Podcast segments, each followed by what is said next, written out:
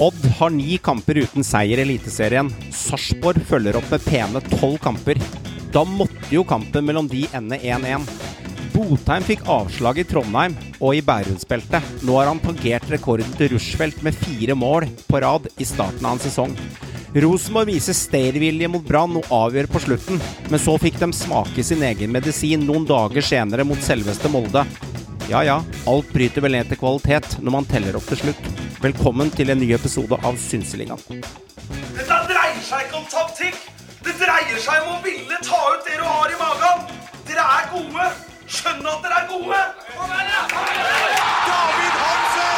Vålerenga har snudd det! Det mangler bare at taket letter i Valhalla! Så var det lagt inn i feltet! Det er 4-1! 88-55 på tavla! Frode Johnsen har skåra tre!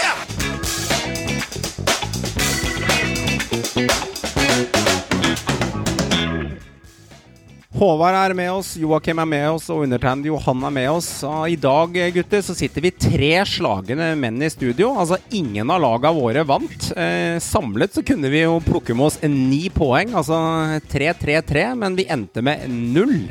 Så eh, hvem som var mest skuffa, det kan vi jo diskutere. Jeg kjenner i hvert fall på en litt sånn eh, nedstemt stemning som Rosenborg-supporter i dag. Men vi skal dra oss igjennom eh, denne herlige, fantastiske verdens vakreste liga sammen. Og Joakim, du hadde jo klokketroa på Fred Friday, men ja ja, det ble tøft på bortebane. Og Kristiansund, vet du, de står plutselig nå med to seire, de, når de plutselig var avskrevet i vinter og de første kampene. Ja, Det er en tøff, og en tøff bortekamp, og det er jo en sånn bortekamp som det alltid blir oppe i Kristiansund. da. Det er dødballer, det er uh, dueller. Og det er, jo, altså, det er jo ikke sånn, en sånn fotballkamp hvor akkurat Gossa har uh, skinnet de siste to årene. Uh, jeg veit ikke hvor mye jeg teller opp etter 35 minutter, så hadde vel Godset hatt 14 hjørnespark eller sånt, tror jeg. Eller om det var 14 totalt i kampen. Godset hadde hatt 9. Og ikke et eneste hjørnespark uh, medførte noe som helst form for farlighet uh, whatsoever. Så nei, det er tydelig at de sliter når de møter lag som legger seg bakpå uh, og som går for duellspill og går for på en måte å drepe tempoen i kampen. Det sliter godset med å, å bryte ned og spille rundt. så altså, jeg tror ikke av oss tre så tviler jeg på at jeg er mest uh, skuffa. Uh, altså, det er klart det er ikke en kamp jeg regner med at Godset vinner. De har ikke akkurat vært gode i Kristiansund uh, noensinne. men det var litt kjipt, fordi de spilte egentlig greit. Jeg syns kampen i seg selv måten de spilte på, var ganske, i hvert fall første omgang. Mm. Men de skaper jo svært, svært lite, og de får sjansen de får inn. Den, det blir jo ikke noe av, da. Og da ender det sånn. Ja da, du er nok ikke mest skuffa, det, men det er stusslig at vi står med null poeng av ni. Eh, Håvard, hvis vi snakker litt om Kristiansund-godset. Kristiansund de så litt slakt ut i vinter, men eh, de holdt enga i kne, og så tar de denne typiske klassiske hjemmeseieren mot godset. Kamper du skal vinne hvis du skal være med og henge med lenge der oppe. De var jo favoritt i kampen også, men det var jo knepent. Men de har jo de seks poenga på De har jo fått seg to seire nå og to rekketreere, så ja, de kommer greit unna med det òg, Håvard. Jeg føler nå at Kristiansund har funnet tilbake til det DNA-et sitt som de på en måte var kjent for før Pellegrino. Så de har på en måte famla litt med å finne tilbake til det, og nå er det tilbake til kynisk, litt sånn kjøttfotball. Kriging, kjemping, jobbe for hverandre, blø for drakta, og så er det liksom ikke noe artist der lenger. Det er liksom ingen som kan gjøre det på egen hånd, på en måte. Og nå må de stole på det på en måte som har vært i ryggmargen deres i så mange år. Og da ser man i Eliteserien at det holder det til å ta to strake seire mot både Enga og Godset. Og vips, så er KBK å regne med igjen. Det så jo helt slakt ut. Jeg tror de har brukt litt tid på å på en måte tilpasse dette her etter Pellegrino. For det var liksom sånn gi ballen til Pelle, så gjør han jobben. Mm. Eh, og, det, og, han har dem ikke lenger. Eh, de har ikke en sånn type spiller lenger. Så da må de på en måte finne litt tilbake til det gamle KVK. Og det, det har jo tydeligvis funka nå, da. Det har det. Det er jo Ja, er, så er det denne Bendik By, da. Er, det interessante med han er jo at uh, han skåra faktisk Mener han skåra i begge oppgjørene mot Godset i fjor òg, hvis, hvis, ikke jeg husker helt gærent. Han er en liten rev mot Godset, Joakim? Eh, by? Ja? Eh, ja. Jeg, ja. Jeg er ganske sikker på han skårte både hjemme og borte i fjor. Det tror jeg Mot, eh, faktisk han gjorde. Det, Eh, det, han er Der tror jeg sånn du har rett. Han skårte i hvert fall på Marienlyst. Jeg, jeg tror han skårte to mål på Marienlyst, hvis jeg ikke tar helt feil. Ja. Arrester oss gjerne, kan vi ta feil, men, eh, men Det- Jeg lurer faktisk på om han skårte to mål. Jeg tror han skårte tre mål totalt mot Godset i fjor. Mm. Uh, Så ja, men han, han har jo vist seg litt, da. Altså, han Fyren vet jo tydeligvis hvor målet står, bare han får, får sjansen og muligheten sånn sett. Og blir eh, kanskje slipper å liksom Det virker som at en del av spillerne nå på en måte bidrar selv. De har liksom ikke Pellegrino å lene seg på til liksom å gjøre jobben på topp der. Mm. Eh, Så de overraska meg litt i starten, det skal jeg innrømme. Ikke for å snakke i hjel KBK, for det er ikke så interessant. Men eh, jeg syns jo Bendik By da, er litt undervurdert, det jeg har sagt før. mm, Jeg syns han fader meg ofte scorer mål når han får sjansen. Men det verste er at han får ikke sjansen så ofte. Nei. Men når han får sjansen, så blir det ofte mål av det. ja, Ja. Så litt sånn eh, undervurdert spiller, altså. Han, er, han veit hvor målet står. Han har bra skudd, god avslutter. Men det er jo deilig å prate med et lag som har kommet seg litt opp på hesten, da, for de fikk jo mye slakt de første kampene her. Og man trodde jo kanskje Godset skulle var på en fin sti, men Godset står jo nå med en seier og et tap. Og det er vel mm. noenlunde der de kanskje skal være også. Så uh, tette oppgjør der. Uh, ja. Jeg så ikke kampen, men, uh, men det jeg hørte, så, så var faktisk Godset ganske bra, eh, hørte jeg. Og spillemessig, eh, altså ba, i banespillet, eh, var ganske gode fortsatt. Og, og Friday var fortsatt også god. Det var ikke bare et blaff. Han, han var visst ganske farlig og, og frisk. Og det jeg så av høydepunkter, så virka han, eh, han på hugget, han. Altså, og at det er på mange måter et godselag som eh, ikke er i nærheten av så dårlig som eh, folk frykta. At det er et lag som man på mange måter kanskje kan regne litt med. Eh, men selvfølgelig, dette er tidlig ennå. Eh, men eh, positive tendenser fra gutta fra Drammen, i hvert fall. Selv om de, selv om de går på tap. Mm. Altså, det jeg har sett uh, begge de to kampene, så er jeg helt enig. Uh, også spesielt som sagt førsteomgangen uh, mot uh, KBK. Det målet til KBK var jo ikke et sånn nødvendig sånn, sånn man snakker om fortjent, ufortjent i forhold til spillets gang. Så var det Det var ikke en det var en jevn kamp, og Godset hadde absolutt mye godt å komme med på banespillet. Jeg så jo hele kampen.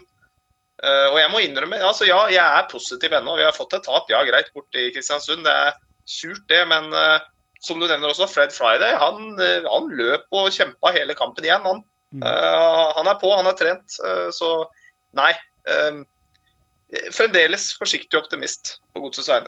Herlig, det. Jeg oppfordret til Håvard at vi fikk litt spørsmål fra lytterne våre en par, ti, par, timer før sending, så jeg la ut det på Instagram og folk hadde litt spørsmål. Og det har jo rent inn på noen par timer, så har jeg fått litt spørsmål. Så jeg kan jo ta et spørsmål innimellom alle lagene her. Og Joakim, den går til deg fra Geir M. Hvor mange mål ender Fred Friday på totalt for godset? Se det med godsehjerte, er, er hintet. Oi! Se det med godshjerte, ja. Ja. ja da, blir, da blir det jo 15 mål, da. Men realistisk, da? Jeg, jeg, altså jeg tror Fred Friday har alle muligheter til å nå tosifra antall mål for Strømsgodset, i hvert fall. Det tror jeg han har. Og at det kan bli mellom 10 og 15, Mm. det, tror jeg er, det tror jeg er realistisk. Mm. Mye mer enn det. Da må Godset begynne å skape mer. Mm. Og på en måte få mer farlige målsjanser. Men ja, ja mellom 10 og 15 mål. Det mener jeg er realistisk, hvis en fortsetter som han har starta. Og hvis han skårer mellom 10 til 15 mål, så bør det kanskje være Da- nok til at godset havner greit oppå.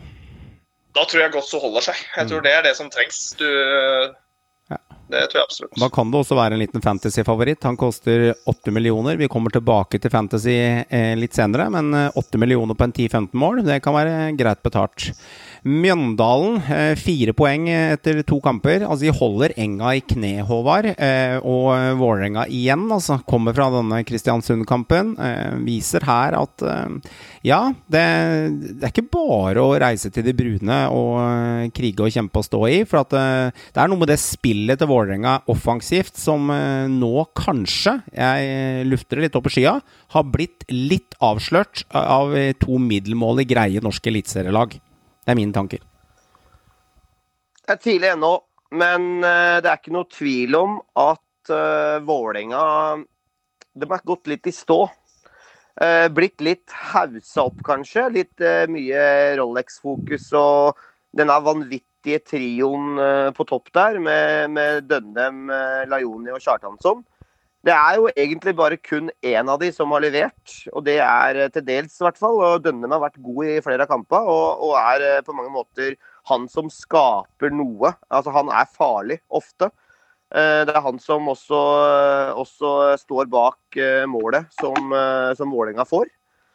Det er han som drar av mannen der og får slått inn. og han, han, skaper noe hver eneste kamp. Men, men Kjartansson han er tydelig ikke i form.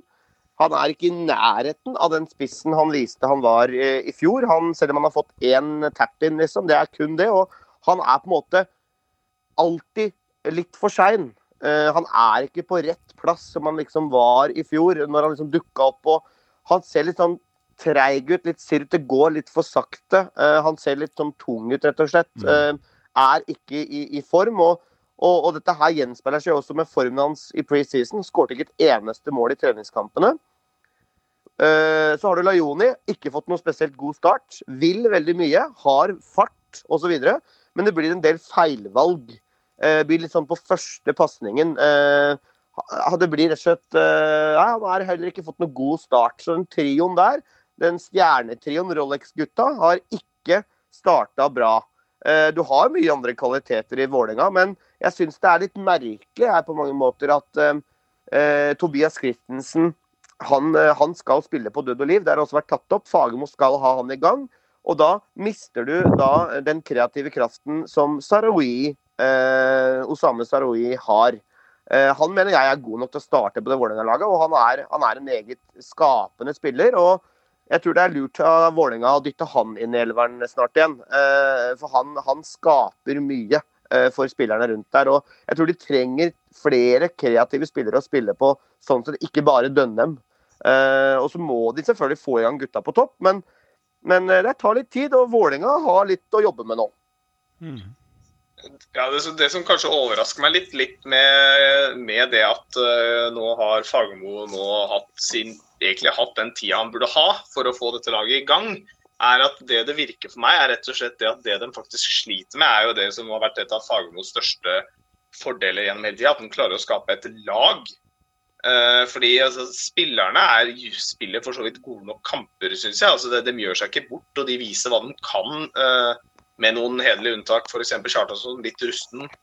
Men de gjør det godt. Men det, altså, det er noe med det samspillet i det laget som ikke helt fungerer uh, som det bør. Uh, og Det er et varsko, for det er ikke noe lag som funker i Tippeligaen basert på hva enkeltspillere klarer å oppnå. Uh, du får ikke noe topplassering av det. Du må ha et lag som jobber. og der, det tror jeg, For meg, de kampene jeg har sett av Vålerenga, det jeg har sett av dem, så er det et lag som ikke helt henger sammen. Uh, de, de, drar ikke liksom samme vei hele tiden. Det er litt for mye sånn bare spill på midten, og så er det ikke noe sånn klar trend i hva laget egentlig ønsker å oppnå. da. Eh, det er litt sånn varsko, syns jeg. Vålinga er veldig sårbare når Fredrik Oldrup Jensen blir litt tatt ut av kampen. For han styrer veldig mye på den sentrale midtbanen. Som han fikk lov til å gjøre mot Brann, eh, og for så vidt også mot RBK, der han var god. Uh, de andre kampene har han blitt tatt ut uh, på midten. Det er på en måte nesten en mann som ligger på den. Han er veldig viktig igangsetter og ligger og stabiliserer. Han er på en måte Og da, da, da sliter Vålinga mm. Når, når, han som ligger sentral i banen, skal ligge der og styre. Når ikke han får lov til å styre, så sliter det maskineriet der med å fungere. og om Mjøndalen hadde gjort hjemmeleksa si. Vegard Hansen, du kan si mye om han, men han er en taktiker. Han er faktisk god på det. Eh, rett, og, legge riktig kampplan. Og gutta fra, fra uh, Nedre Eiker, holdt jeg på å si, det heter jo ikke det, men uh, jeg, kaller, kaller dem det for det. De har fått en uh, god start på sesongen. Fire poeng, det, det, det er godkjent. Absolutt. Så, og de så ganske OK ut også, syns jeg. Så brennende straffespark og osv. også. Uh, de har fått en god start. Det har de. Uh, inne på Laione, når du nevner han Det virker som han kommer liksom ikke helt i gang. Bytta ut igjen eh, en tre-fire matcher der òg, uh, eh, ganske tidlig. Uh, han Dønnum har denne X-faktoren over seg som plutselig kan fike inn i krysset og styre på og finne en innstikker. Det samme har jo Sarawi. Men, men, jeg syns at Laoni Han må spilles god, sånn som han blir gjort med Glimt. Og hvis ikke han blir spilt god og kommer på de rette løpa, så, så, så, så, stopper det litt opp. Og det så vi jo på par av løpa i går, på høydepunktene også, at uh, han høyrebekken, som ikke er mest kjente høyrebekken i Norge, til, til Mjøndalen, Mjøndalen, han uh, Ja, hva skal jeg si for noe? Han tok den ut, han. Det var helt greit, det. Så jeg syns at uh, Bra det at vi snakker litt om Mjøndalen òg, for at ja, de snakket jo litt om å ha en ny start, satse litt på mer yngre spillere. De skulle prøve å få en litt ny profil, det som holder på med. Altså, De har jo ikke tapt. De jo, har jo slått det Sandefjord-laget, som de skulle faktisk gjøre, øh, for, for, å kunne, for, å kunne, stikke av på tabellen. Hadde de fått uavgjort mot Sandefjord Håvard, så hadde ikke det vært noe krise for Mjøndalen, det. Men de fikk de tre poengene borte. De får en uavgjort her. Brenner den straffa. Og angående straffer, det er jo brent mer straffer, Sagmoen, i Eliteserien i 2021 enn det er satt straffer. Så eh, det er jo ingen 100% sjanse. Det er faktisk under en 50% sjanse med disse straffene. Ja, Det er jo ganske utrolig, for uh, straffer skal jo egentlig bare, det skal jo bare være mål, det. Ferdig, liksom. Ja, ja. Uh, nei, men jeg syns Mjøndalen uh, virker som de er inne på noe. De skal huske på det, at de fikk en god start i fjor òg. Og så sa det bom stopp. Og Da var det pizza og øl, og det var ikke måte på som måtte til for at de skulle klare å snu eh, skuta. Mm. Eh, men, eh, men, enn så lenge har de brune fått en god start, og Enga stamper litt. Sammen med, med Viking, som også er tippa blant de såkalte topplagene der oppe, så, så, så går det ikke helt på skinner. Men jeg skal absolutt ikke avskrive Vålinga i toppen. Det, det gjør jeg ikke. Det gjør jeg ikke. Frode også på Instagram lurer på Han skriver 'Glam i enga, hvor blir det av spillet?' Så det er flere der eh, som, eh, som er interessert i å eh, ikke bare snakke om Rolex-klokker og flotte biler. De vil gjerne se litt skåringer på Oslo øst også, og det forstår jeg. Fordi den starten de har fått nå, det er noen poeng bak der de kanskje skal være. Så får vi se. Men fordel enga er at de har spilt mot eh, mange av de store cruiserne av noen lag. Eh, så de har jo tatt ut mange av de vanskelige lagene å møte. Og nå får de Molde i neste, men eh, ja, de får vel kanskje nøytralisere litt i toppen og få med seg en uavgjort der for å sørge for å henge med, men uh, lykke til, vi får se. Én uh, ting, gutter, og det er dette Sandefjord-laget.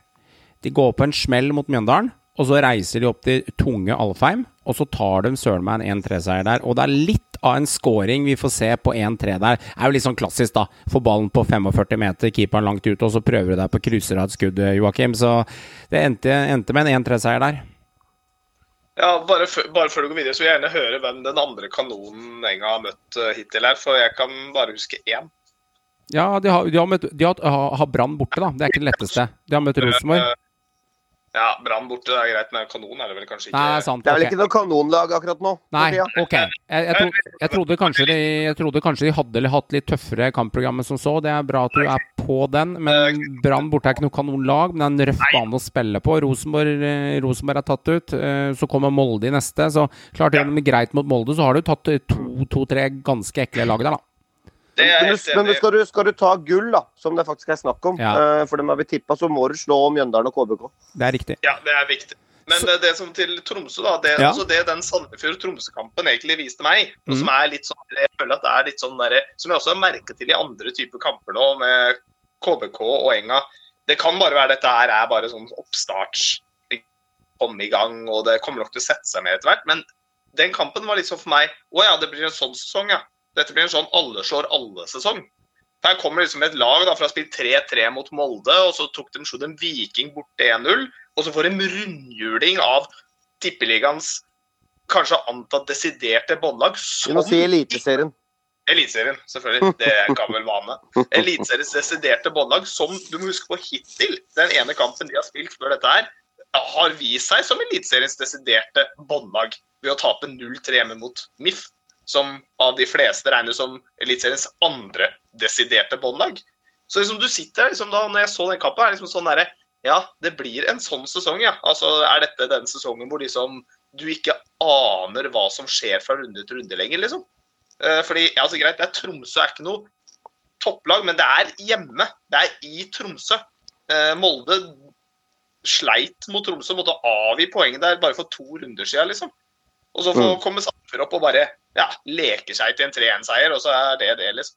Så interessant. Jeg føler litt sånn. Er vi blitt litt sånn lurt igjen? Er det blitt sånn lurt av det Sandefjord-laget nok en gang? Altså, Er de ikke så dårlige som vi tror, på en måte? Og nok en gang soleklar dumpekandidat, akkurat som de var i fjor. Og så, som du sier, overrasker stort og faktisk er ganske solide. Og vinner 3-1 på en veldig tøff bortebane.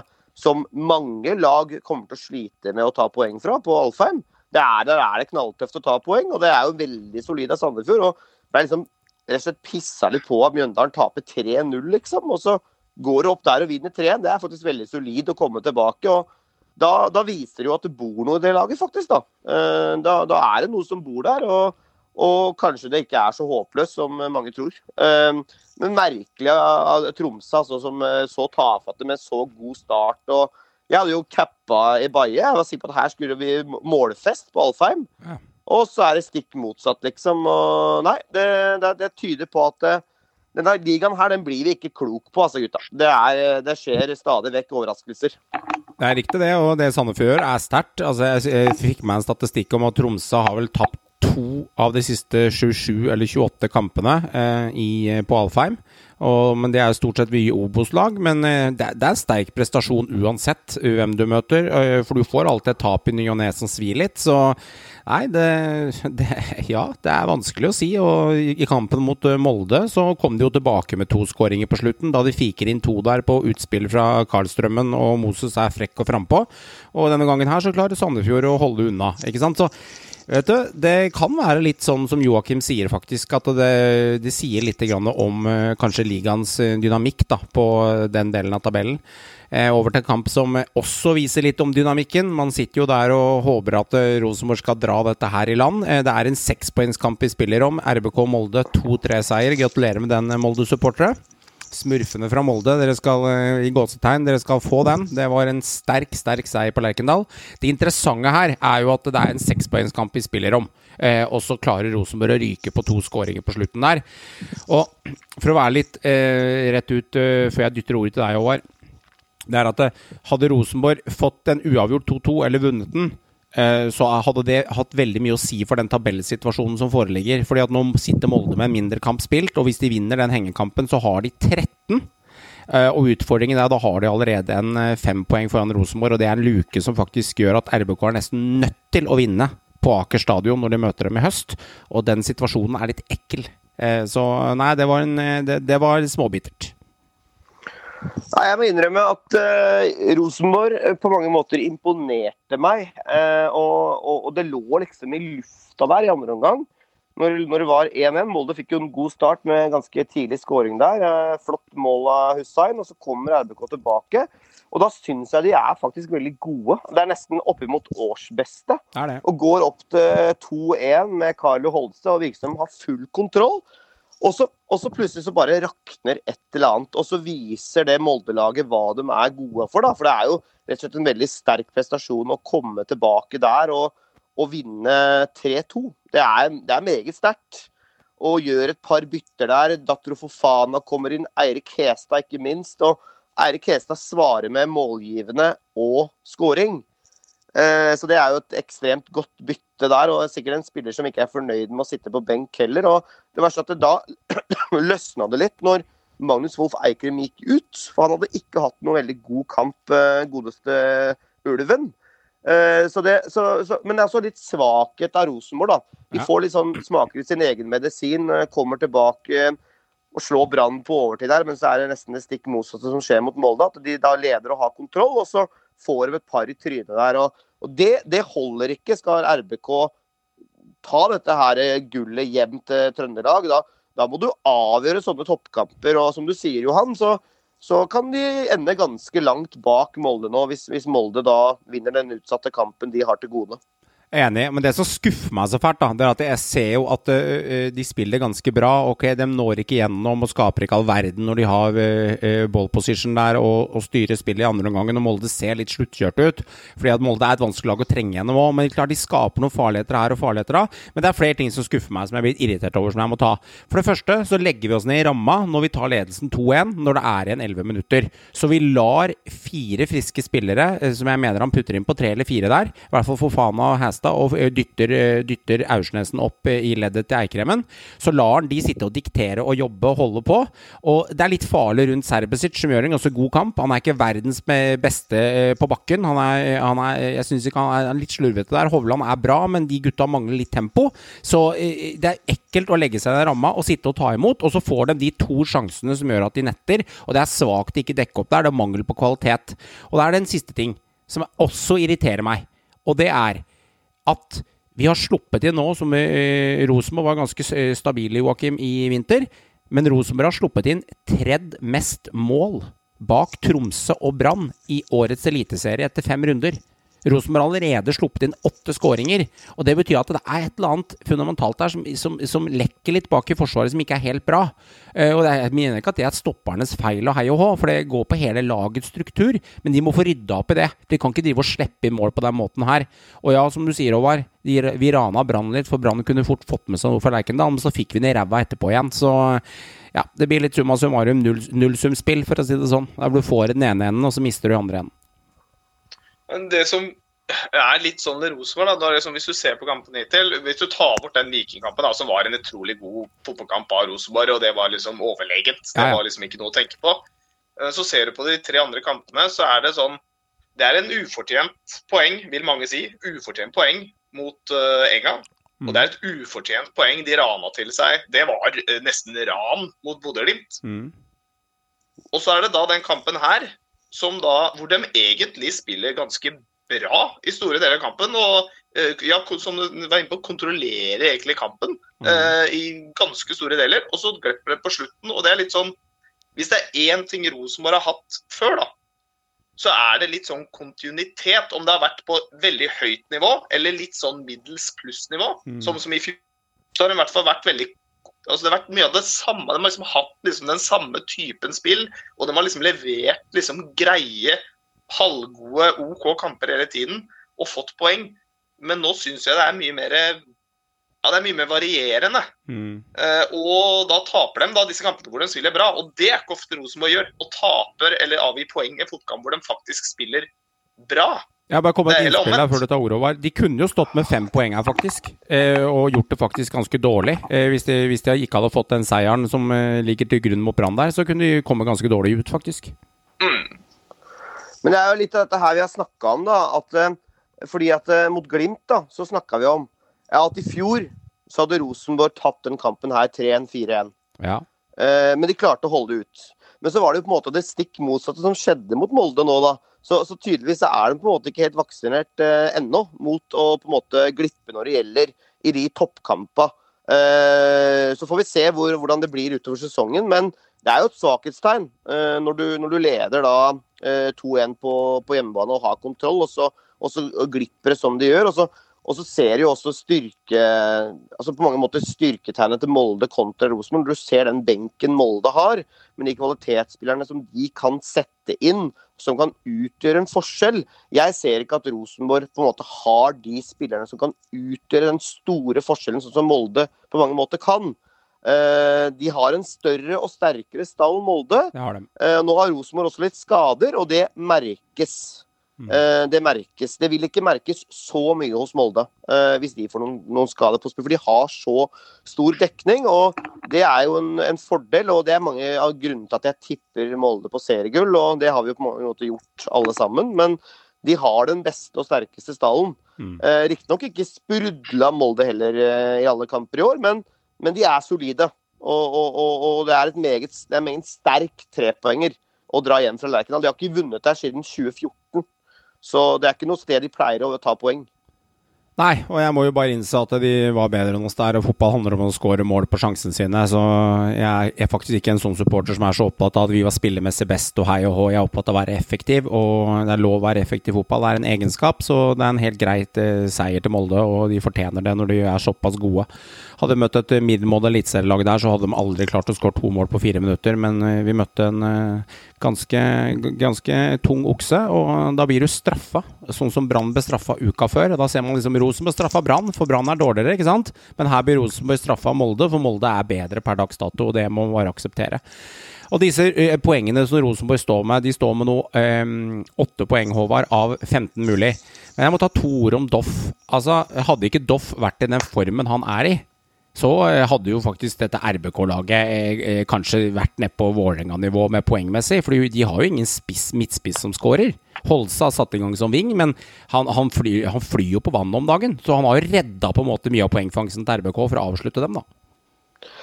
Altså, Kristoffer Sakariassen er jo en Altså, er jo, han er jo angrep med, for så vidt med Holse som har produsert dette, og Mollins har også fått én scoring. Men men de har jo ikke noe, noe midtspiss eh, på høyt, høyt nivå som eh, bøtter inn mål. og Da er det Zakariassen som må ta, ta ansvar. Nå, akkurat nå er jo han toppskårer i ligaen, faktisk. Eh, og også bøtta inn, eh, inn mål i, i, fjor. og Han tror jeg er eh, veldig nære, eh, hvis ikke han er i tropp til Ståle Solbakken.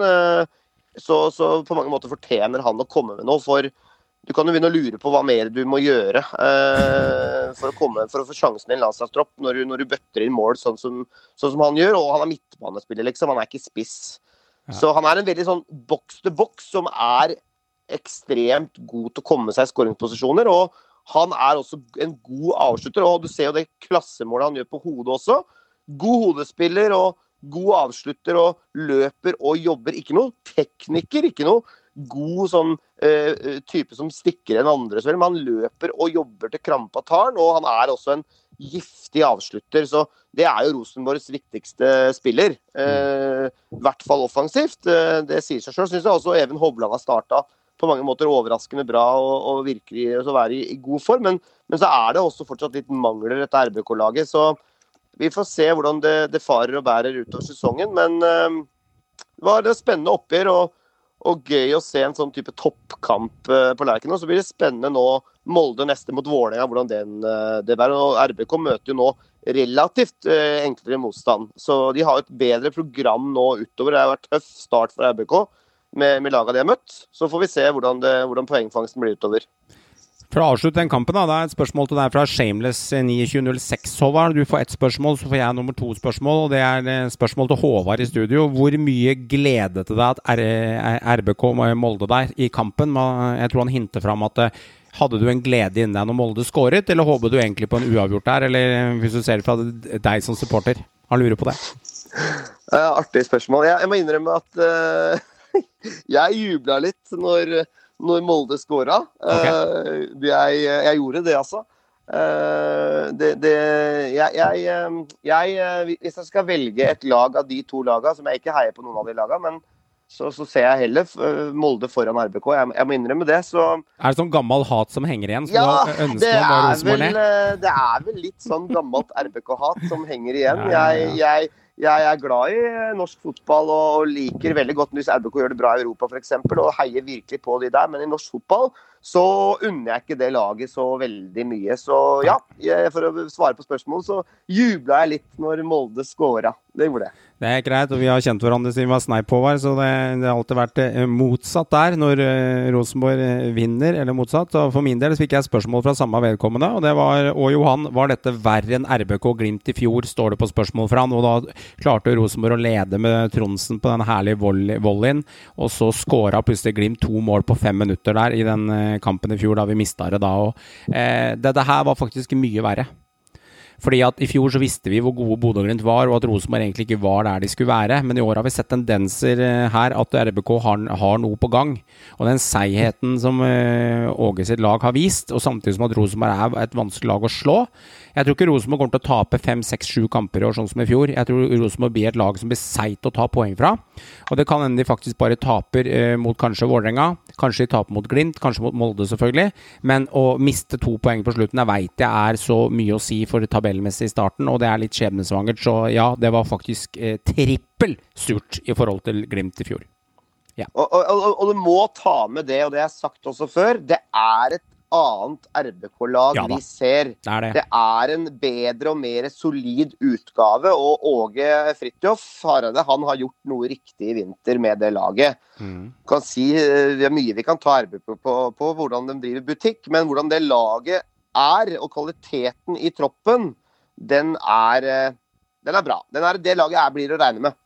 Det blir å regne med, det er uh, uten tvil. Og vi kan jo snakke litt om dette. Jeg har jo skrevet opp et punkt som jeg har undret litt på angående å drive butikk i butikken. Eh, leser en grei liste, og så kommenter gjerne, gutter. Eh, RBK ut. Vi starter med Rosenborg. Eh, Valsvik, Søderlund, Bentner, Botheim, eh, Tronsen, Bendro, Helland, Mike Jensen. Eh, veldig mange her er sluppet eh, Jeg skriver gratis i parentes. Noen har de fått 100 000 for, noen har de fått litt småpenger for.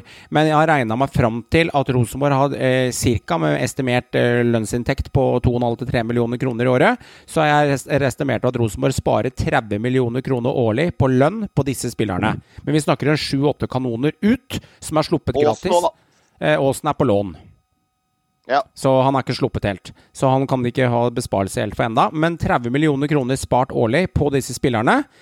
Eh, jeg vil si det er ganske hårreisende politikk eh, å ikke klare å selge noen av de. Meling har de solgt for 10 mill. Jeg går ikke gjennom inn-lista, jeg går bare gjennom ut-lista. Sammenligner du med Molde, så kan vi jo lese litt. Eh, Aursnes, altså inn. Aursnes, Ellingsen, Holmgren Pedersen, Bjørnbakk, eh, Sheriff Sinjan, Brynildsen. Mange av disse, ikke alle, har salgspotensial. Og så har de solgt Vingo, som ikke kjeft Håvard prater om i etterkant. Han var god i Europa, men ingen savner han nevneverdig. Han solgte dem for en ganske god eh, godteposesum eh, til MLS. Eh, og Nei. Ferencvaros. Eh, beklager, eh, Ferencvaros. Men de solgte han for en god sum. Og det interessante her er at uh, politikken mellom disse to klubbene her, hvor smart Molde henter innad i Norge, versus det RBK driver med Altså dette her, jeg Som Rosenborg-supporter òg, det er natt og dag. Det må være mulig å få noen kroner for de spillerne her. Og se på Botheim! Fire av fire. Trondsen ja. kunne du solgt for 30 millioner kroner. Bendro kunne du solgt for to år siden for 20. Helland kanskje ikke. Mike Jensen litt pga. lang og tro tjeneste. Bentner fikk rosen på et tilbud fra Bordeaux på 18 millioner, men de valgte å si nei, for de ville tyne mer. Søderlund fikk dem tilbud den sommeren Bentner fikk tilbud, eh, tilliten, men de valgte ikke selge Søder. Og Valsvik kunne de sikkert fått noen kroner for hvis de hadde skvisa en eller annen norsk klubb. Jeg, jeg, jeg rysta, liksom. Jeg skjønner de sparer lønnskroner, Håvard, men tenk deg hvor mye du kunne tjent hvis de hadde hatt riktig politikk innad. Og det som er interessant, uh, vi har jo slakta, uh, eller deler av panelet har slakta f.eks. Sarpsborg. Riktig. På hvordan politikken deres er. Men når du ser på hvor mye Du har bl.a. slakta Sarpsborg mye. Helt riktig. Da, da, da, er dette her en helt annen butikk. Men jeg slakter nå, gjør jeg ikke det? Jo, jo, du slakter nå, og det er på høy tid. Fordi den driver elendig butikk, RBK. Tjener knapt penger på spillersalg. Henter dyre spillere inn. Adek Benro ble henta for 15 millioner. Anders Thomsen ble henta for 15 millioner. Det er 30 mill. det, som de knapt har tjent penger på. Og så, har du også ramsa opp mange andre spillere som heller ikke har tjent noe på. Gir bort spillere gratis, som da blomstrer i andre klubber.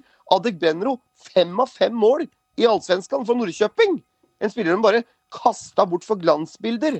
Og så har du Botheim, som du nevner. Fire av fire i Glimt. Valsvik, rett som kaptein i godset. Ikke sant? Så poenget er at eh, ja, du må skifte ut en del, men du må da klare å tjene noe penger på dette her. Se på hva Sarp gjør. Ja, Sarp bommer en del, det gjør de. Men de tjener også jævlig mye penger. Og det samme gjør Molde, på hvordan de driver butikk. Molde henter mye ungt. Henter fra Obos, henter fra PostNord, henter ungt fra utlandet. Utvikler og selger de for store summer. Og, og, det samme gjør Sarp med særlig afrikanerne de har henta, og faktisk en del andre. Vasjotin kom gratis fra finsk fotball, solgt for over 10 millioner til Zenit. Så det er mange sånne eksempler. Krepen Diata henta for en mill, solgt for 40, eller hva det nå var for noe. Mm. Så, så, det er eh, RBK har en lang vei å gå der, og de var kjent for det før. For å få mye kroner for spillerne sine. Det, det, gjorde, det var sånn de drev butikk veldig bra i mange år. Det begynner å bli en stund siden man kan vise til sånne um, meritter, altså. Ja, og det er litt eh, altså det er jo litt det samme som Det er jo litt det vi snakka om før òg, med den der, at de må ta den der ryddejobben. Som vi liksom snakka om, liksom, De må ta den ryddejobben. Altså, og så kvitter du meg da med spillere som egentlig er gode. Altså Det er ikke noe gærent med spillerne, mange av spillerne kvitter seg av, men den bare funker ikke der. da, og Det virker litt Det er jo litt det der, jeg tror vi har vært innom det før, da, at eh, mange av de der eh, Nå skal jeg ikke skyte ned noen nødvendigvis, da, men mye av den overgangspolitikken, litt den du har sett igjen nå, men ting som funker òg, sånn som Henriksen funker. Det er ikke noe galt med det, men det er litt sånn Det er noe sånn derre Det er noe litt sånn derre Altså, det ikke, virker ikke så gjennomtenkt, egentlig. Det virker bare som litt sånn derre kriseløsninger hele tiden. Kriseløsning. Vi må bare hente inn en spiller. Dytte den inn. Vi må bare få inn en kvalitetsspiller vi veit kan levere. Uten at de på en måte har gjort, virkelig har gjort så særlig tanke om hvordan de skal bruke dem. Uh, hvem som skal ryke i forhold til dem, hvem de ikke skal bruke. Uh, så det virker lite gjennomtenkt, uh, og det har det gjort ganske lenge. så det måtte nesten ende sånn. Eh, når du liksom nekter å selge spillere for en lav nok sum. Ja, det er skam, vet du. Du kan ikke si nei til 30 millioner kroner på Tronsen. Men du hadde jo fått penger fra for Vasvik. Hvis jeg bare hadde latt den gå for to millioner, så hadde de fått penger for Vasvik. Latt den gå for halvannen to mil, hadde de fått det da, istedenfor å gi den gratis. Ja, de gjort. De hadde fått noe. Og, og, og, og, det som er utrolig, det er egentlig det du er inne på der, Johan. Det er at du da sier nei til sånne bud. Nei, vi er ikke fornøyd. Vi skal ha mer. Solgt Adegbenro, da. Maskin sa ja, skulle vi fått penger for Adegbenro, så skulle vi solgt den for to-tre år siden. Ja, hvorfor gjorde du ikke det, da? Du slapp den jo gratis. Ja, det er bare å se. Så å si. Og Bentner også. Da kan du begynne å, da kan du begynne å lure Ja, Bentner òg. Det er noe med vurderinga her, da. Som er riv ruskende gal. Helt I, i, i, klubb, I, klubben. Og sportslig leder Dorsin. Ja. Som sitter med makta, Og Bjørneby før den tid. Ja. Når du si klarer å ta de rette valga. OK, selg de gutta. Hent nytt, da. For en tredjedel av prisen. Ja. Og utvikle det videre. Og så, altså, ja, jeg, jeg, jeg, skjønner at de henter Tetti og Skjelbreid, men det er jo ikke noe fremtid i de gutta der. Nei, det er det ikke. Det er jo ikke det, De er jo gamlinger. Det er ikke det. De kommer til å gå grad. Skjelbreid har jo vært mer skada enn han har spilt, og Tetti kan, han kan bare spille på gress. Det er jo en del av kontrakta hans. Ja. Så du kan jo begynne å lure litt hvordan de driver butikk. Dette her er i hvert fall ikke langsiktig. Det kan vi si med en gang. Og det mulig, at det, det mulig at det blir en tittel, eller i hvert fall en medalje, ja. men det er i hvert fall ikke langsiktig. Og interessant, interessante med Tetti er at Rosenborg møter nå Sandefjord. Den er morsom. Sandefjord på gress. De møter Lillestrøm på gress borte. De møter Sarpsborg på gress om fire-fem runder. Så alle bortekampene Rosenborg har på gress, er brukt opp før Tetti kommer. Ja, men han, han skal, han, Tetti skal spille hjemme, han. Han skal spille hjemme, han. Han orker ikke å reise. Han gidder ikke å reise Han, han, gidder, han, gidder, ikke å dra til Tromsø og spille fotballkamp. Han, skal, han skal spille på hjemmebane på Lerkendal, så skal han hvile den uka de skal dra. Det var jævlig sosialt, det intervjuet med Tetti. Der er liksom Ja! Jeg har ikke spilt så mye kamper i år, da, så jeg får tyne kroppen litt til uh, før jeg, så, jeg, så jeg blir drittlei før jeg legger opp, liksom. Litt sånn der, ja, ja. Det Kom hjem! Har bygd hus! Og så må jeg jo si en interessant ting. da Sinjan, som egentlig ikke har vist det så mange minutter i Molde-drakta, ja, ja, ja. de får inn feit bud på han. Eh, og de har Ellingsen også, som har vært skada nå i starten av sesongen. Han også har jo en lysende framtid der, og, og, kom fra Obos. Og de har, Molde gjør veldig mye riktig med veldig mange spillere. Ja, Rosenborg henta Doff, og de har henta Holse og fått tilbake Holmar. Ikke, de tre kjøpene der er egentlig ikke så halvgærne. Men så kan man stille litt spørsmål rundt Siljan. Det gjør jeg faktisk, for jeg syns han har vært ganske direkte litt småsvak for Rosenborg. Og så stiller jeg spørsmål rundt Widersen Paul. Han var ikke billig. Og Serbesic, som spiller som en gud i utlandet, men får begrensa tillit. Så de har jo fått opp noe Rosenborg med Holsodov, men ja du, du, du, må, du, må, tenke på nivået som Serbesic kom fra. Det er bosnisk klubbfotball. Det er ikke veldig høyt nivå. Nei, men Hvis ikke de skal bruke den, så kvitt deg med den, da! Eller ikke ja, ja, kjøp en sånn spiller for fire år siden. Og, og, du har også veldig mange eksempler på spillere som har henta, som ikke har slått til. Ja, eh, men interessant med Molde. Eh, uh, Fofana, juvel. Han kommer de til å selge for kanskje 20-30 fort. han er ikke med på lista mi jeg leste opp engang. Han, han, han, er 18 år. Holmgren Pedersen, kanskje den mest spennende bekken i landet. Birk Risa. Det er eh, Ola Brynildsen som begynner å se god ut. Begynner å ha skåret flere mål allerede. Og, og du har mye prospekter. Aursnes, kanskje ikke du tjener så mye penger for han, men han ble henta veldig ung og utvikla til en klassespiller. Og du har veldig mange andre på den lista som Molde har som potensielle salgsobjekter. Emil Breivik altså du har, Det kommer frem nye spillere hele, hele, tiden. Mens de unge spillerne til RBK de benkes på mange måter, og så hentes de hentes det andre folk fra utlandet for ganske gode summer, som det ikke er noe særlig stort videresalgspotensial på. Det er jo flaut. Så ja. Ja, det må være litt flaut. Ja. Det er, ikke, det er ikke god butikkdrift, det vil Nei, jeg si. det er det ikke. Nei, det, det, det er skjerpings. Det finnes andre klubber der ute Rosenborg som gjør jobben er bedre enn dere. Så det er eh, opp i ringa, for å si det sånn. Hei sann, det er Lars Jørgen Salvesen fra Godset her. Nå er det tid for quiz, gutter. Spis ørene, gjør dere klare. Nå skal det kjempes om poeng. Ja da, ja da, ja da. Da er det quiz. Meran får en liten eh, venterunde neste gang, han da. Men eh, vi gjør det sånn, eh, karer, at eh, jeg trenger navn på hvem som skal starte moroa eller ei. Hvem er nummer én? Hvem er nummer to? Jeg kan starte. Joakim. Da kjører vi der. Ja. Og så kjører vi Håvard som nummer to. Prøver å holde tempoet litt oppe i quizen. Eh, Det hadde vært eh, gledens gang. Eh, Kan man det ikke, så er det fint å resonnere, men vi drar det ikke ut herfra til Moss. Joakim, er du klar? Ja. Fleip eller fakta? Én, tre eller fem poeng, uavhengig hvor mange du svarer riktig. og Vi spiller nå om ett poeng. Mellomnavnet til Åge Hareide er Fridtjof André.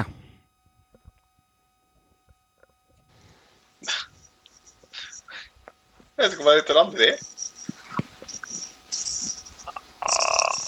Fridtjof André.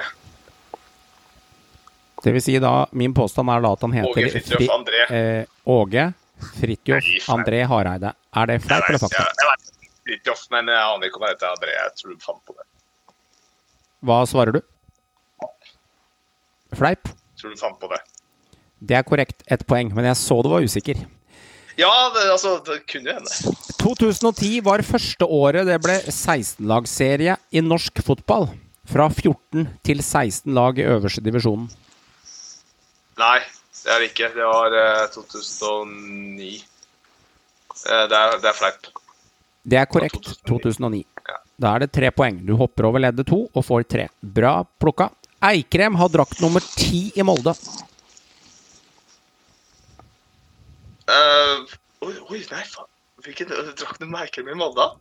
Uh, nei, det Faen. Det er fleip. Kan du tippe drakten hans? Du, fleip står, men du kan jo få tippe. Mener han sju? Nei, jo.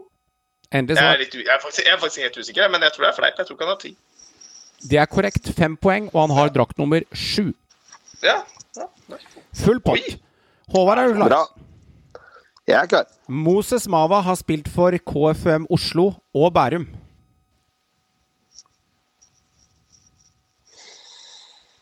Jeg sier fakta. Det er korrekt. Ett poeng. Pål André, på Pål Ja, André jeg Helland er ifra Kyrksæterøra. fakta. Det er korrekt. Sørloth ble toppskårer i både den tyrkiske ligaen, men også i cupen i 2020.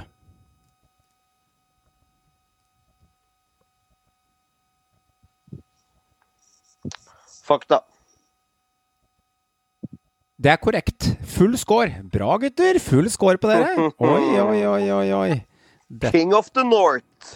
ikke sant? Eh, så skal det holde hardt å få full score på resten i dag, men vi får se. Eh, god, eh, god flyt. Og da, Joakim, da starter vi med deg. ja. Ja. Forsvaret Forsvaret. er hintet. Eh, to. Hvilken spiller valgte Nils Arne Eggen å forsvare under kampen mellom Enga og RBK i 2010? Etter en situasjon inni 16-meteren. Kjent, Kjent, kjent scene er blitt brukt i media i etterkant, og den er godt belyst på YouTube og de fleste, eh, fleste steder. Det var en typisk Nils Arne Eggen-episode. Han fikk jo hele episoden til å handle om seg til slutt, så spilleren slapp jo litt billig unna. Hvilken spiller forsvarte han? Jeg vil egentlig vite. Vi spiller om to poeng. Av en eller annen grunn så bare Men jeg veit at det var jo en Men jeg bare lurer på om det var ikke det seinere. Jeg bare Nei, jeg bare sier uh, Annan, jeg. Var ikke det seinere. Jeg bare sier det. Det er korrekt. To poeng. Ja.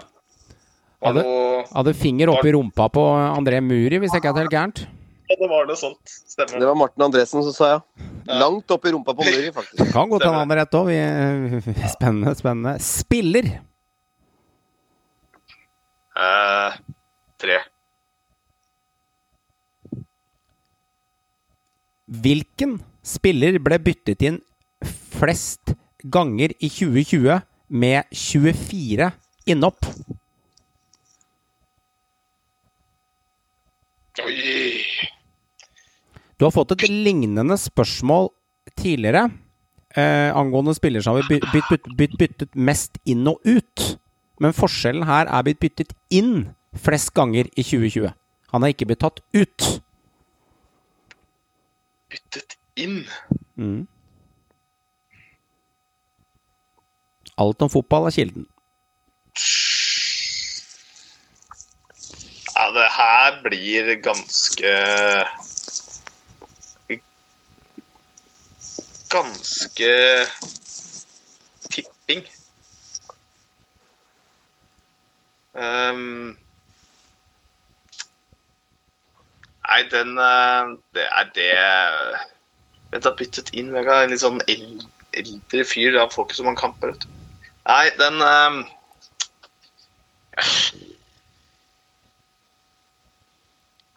Eh, Nei, jeg, jeg veit egentlig ikke. Jeg bare tar litt sånn 24 ganger. Jeg har byttet inn nesten hver eneste fotballkamp. Han, da. Ja. Det er liksom 75% av serien har han blitt byttet inn på kampen på, liksom. ja han har blitt byttet inn eh, flest ganger. Tre poeng. Da setter vi opp tempo. Da må du skyte ofte. det blir jo helt- Det blir helt, jo helt tilfeldig. Spiller om tre uh, poeng. Ser jeg. Eh, Nei, jeg, jeg aner ikke. Holse. Ja, han ble, spilte ikke så mange kamper engang. Nei, det er bare lås den der. Jeg kommer ikke til å gjette det uansett. Du svarer eh, Holse. Ja, Tre poeng er eh, gone. Svaret er ja. Tommy Høiland. Ja, det, det, den, det, det kunne man faktisk nesten tippa seg til, da. Ja, mulig det. Eh, neste Ja, hint er år. Det er greit. Har jeg tatt to og tre? Ja. Fire. Hvilket år er Tobias Bjørkeie født? Jeg har ikke peiling på det, da. Da må du tippe. Du spiller om fire poeng.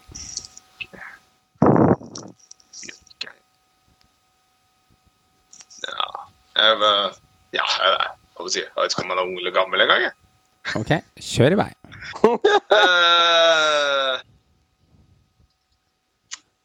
Du får bare gamble, da. Det er bare å kjøre, det. mm, Bjørke sier 1999. Det er korrekt. Fire poeng. Oi! Fy faen, det er flaks. Det, det, det er faktisk dritflaks. Det, Det er griseflaks. Da står det da st du, har, du har hatt noen sånne i løpet av eh, Ja, det har du. Du har Det noen. har tre, tre sånne brølere på det der. Du kunne like gjerne sagt 1989, du Ja, tror ja. jeg der, ja, Nei, jeg følte liksom at den er ung. Den var jeg sikker på. Ja, jeg, følte jeg på. Landslaget. Du står igjen med Det én blir tvungen femmer igjen, gjør det ikke det? Én eller fem nå kan du velge. Hva velger du? Jeg har skåret, ja, nei, jeg har scora dårlig på landslaget Er ikke du ganske sterk der, da? Ikke på det spørsmålet til Johan, i hvert fall. Det er umulig å si hva du får. Hva satser du? Ett et poeng? nei, jeg tar ett poeng. Jeg, tar, jeg var tvungen femmer til slutt. vet du. Hvor mange landskamper har Daniel Granli?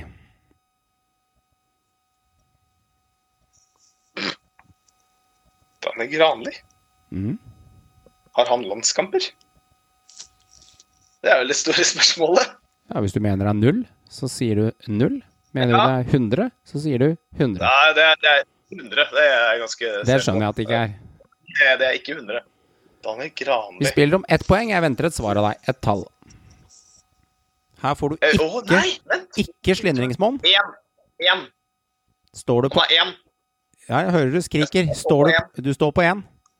Men fikk ikke spille av. Det er Det husker jeg ikke. Okay. Men jeg sier én, jeg. Det er korrekt. Ja, han fikk spille, ja. Ja, da han fikk jeg. Ligalandslaget, vet du. Jeg kom, på det nå, selvfølgelig. Jeg husker jo Le, sorry, Veran det var ikke en liga, det var nødlandslaget, Ja, selvfølgelig. Ja, nødlandslaget Veran som gikk bananas og la ut uh, Daniel. Granli, gammel Lier IL-spiller, det. Da er, står vi igjen på trener, eh, og du er en tvungen femmer i bordet.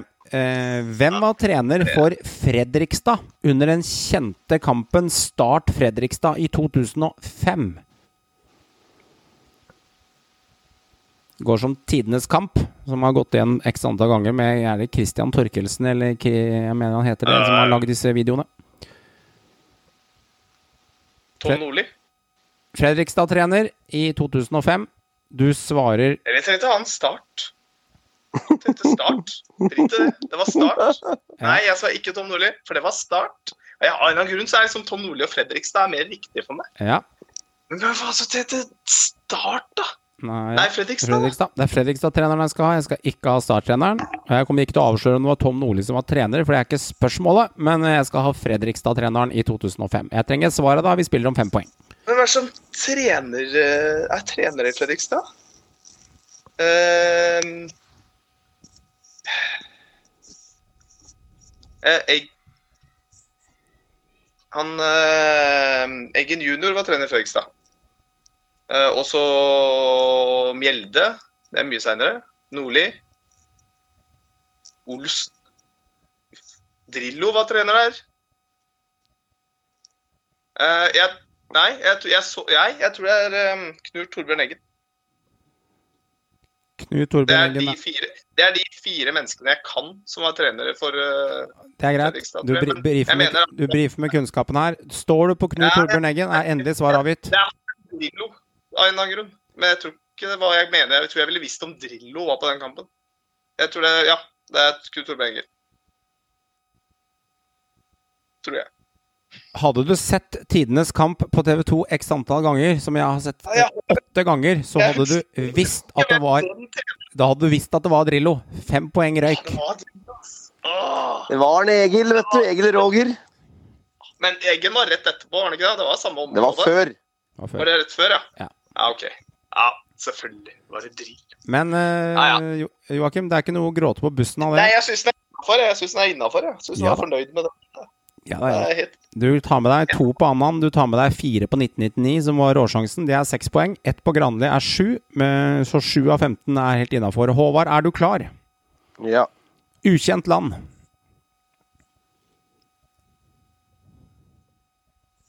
Tre. Hvor mange norske spillere spiller på Færøyene? Oi! Det er jo jævlig rykk og napp, da. Pluss det er et par som hiver seg på båten over, holdt jeg på å si. Siste avsjekk, Eh, siste avsjekk er i- i- eh, i- tre dager siden. I toppdivisjonen eller hele landet? Nei, Som jeg har eh, funnet ut, så var det hele landet jeg fant ut. Uh, sjekket det for tre dager siden. Er det mange andre divisjoner der, da? Ja, det, Ja, det er vel et, det er vel et par. Ja, men jeg fant ut uh, det, og det sto på to forskjellige steder. Uh, så det er ikke sikkert en uh, Det kan sikkert krangles på, men ut fra det tallet jeg fant, så fant jeg dette tallet. Jeg sier uh... Du skal få lov til å bomme med én, for dette her skjønner jeg er vanskelig. Så du har Ja. slingringsmonn på én. Jeg sier fire. Tre poeng spiller vi om.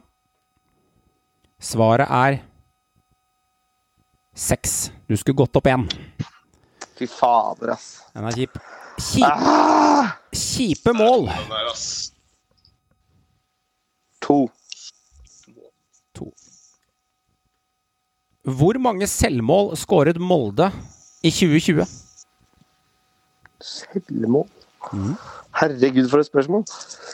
Der skal jeg ha nøyaktig antall. For det er liksom ikke 20, liksom. Altså, To. vi spiller om to poeng. To er svart. Det begynner å bli grundige spørsmål her nå, for å si det sånn. Skal du faen meg huske godt. Svaret er null. Herregud. Spiss. Fire. Hva heter den cocky nye RBK-spissen som enda ikke har spilt, spilt, som ble hentet fra Ranheim i vinter? Ole Sæter. Ole Hammerfjell Sæter. Fire poeng er korrekt. Den er godkjent. Holder med Sæter. Sånn sånn det er det han bruker. Det er det det skrives. Det er riktig, det.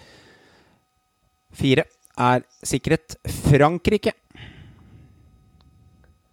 Jeg har en 1 og 5. Ja, det er jo alltid sånn, så da, Nei, da kjører jeg én. da kjører du en ener på Frankrike. Hvilken klubb i Frankrike spilte Konradsen for i 2013 til 2015-sesongen? Æsj, den skal jeg tatt på fem. Det skal ta Renn. Renn. Eller Rennes, da, for deg, Johan. Så det Ja, du hadde, du hadde skrevet Rennes. Rennes. Men uh, renn, ja. Her er det mobbing av quizmaster. Jeg hadde svart, eh, jeg hadde svart renn, og svaret er eh, renn. Ett poeng er korrekt. Det er forresten gamle klubben til Tette òg, i Frankrike. Ja, sant det. Da har du en tvungen femmer. Mhm. Balløya er hintet. Hvilken klubb spiller Ole Erik Midtskogen for? Ole Erik Midtskogen. Åh, den, den er dypvannsfisk. Det er en dypvannsfisk. Eh, det sitter sikkert en Og han elgen fra Tynset blir han kalt. Elgen fra Tynset. Det er også en dypvannsfisk å vite det, at han blir kalt det. Ja, ja, ja. Og han har nemlig spilt på Færøyene. Det hadde vært fett hvis jeg hadde sagt hva, bi- hvem er elgen fra, eh, fra Tynset? Hvis hadde, det hadde vært spørsmålet, da hadde du klart den. Dette er dypvannsfisk, men jeg tror han spiller for uh, Han blei henta i en cha- for at han gjorde det bra mot dette laget i en Champions League kvalik for det uh, færøyske laget sitt. Så Det husker jeg ikke navnet på, men jeg tror han gikk til Dundalk i Irland. Ok. Du står da på Dundalk er svart, og fem poeng spiller vi om. Ja. Elgen fra Tynset spiller for Dundalk LFC. Fem poeng er sikra. Den er, den er sterk, ass! Den er jeg fornøyd med. Den er- Der, der resonnerte jeg meg fram. ass. Det er sjukt. Den, det har ikke vært Jeg har ikke hatt peiling. Den Jeg er hadde sterk. regna med at det var noe sånn skotsk eller nordisk nordirsk sånn derre 93 Jeg eh, må innrømme at jeg sleit i starten, men så tenkte jeg fader, han ble henta, han. For han gjorde det bra mot det laget i Champions League, så ja, jeg er Da, Håvard, fikk du, fikk du 15 poeng. Eh, 173 har du fra før av, pluss 10 er 183. 183 pluss 5 er 188. Så eh, dette her er eh, sterkt. Eh, Joa, eh, Joakim, du fikk eh, 13. 7 pluss 5, det er ikke så dårlig det heller. Du har 133, og uh, godeste Merando Det er 7 pluss 5 er 12, da, jo. Uh, Jeg beklager, t- eh, 12, ja. Det er riktig. Uh, Ja. det er Men gi meg nei da, det er helt riktig. Jeg som slurva litt. Bra. Det er 132. Hvor mange poeng dro jeg totalt i dag? Du dro eh, 15. Ok. Du dro 15. Du bomma på um, Skal jeg bare se hvor kjapt det er, hvis du lurer på det. Du bomma på Molde med selvmål og Færøyene med antall spillere som var tre og to. Eller så traff du på uh, Sæter, Renn og Dundalk. Så, Dundalk. så det var eh, sterkt levert, det, Håvard. Så uh, du leder i quizen med 188, Joakim har 132, og Merando han sitter da med en ekstrarunde uh, som han får uh, neste, neste uke. Yes, eh, karer. Vi skal over til um, rett og slett eh, prate litt eh, nytt tema her, og vi tar litt grann fantasy. Og eh, vi kan jo starte med deg, Håvard. Hvis ikke jeg ser helt gærent, så ligger du en fem-seks poeng foran meg samlet. Hvordan syns du starten din har vært de første fem rundene her? Du er, du er i tet som du vant i fjor. Vant å ligge i teten der. Eh, blitt det nå noen år. Ja. Eh, nei da. Eh, var ikke noe sånn jubelrunde, akkurat. Det ble vel en eh, 37 poeng. Det er ikke noe å slå i bordet med. Men eh, det var vel ikke så halvgærent i forhold til hvordan resten av gjengen gjorde det. Så eh, Men eh, bomma på Ebaye med cap der. Det var et litt sånn dristig valg, men jeg hadde trua på at han skulle fortsette den gode formen mot Sandefjord hjemme, og at de skulle valse over Sandefjord, og han skulle få seg et par goller.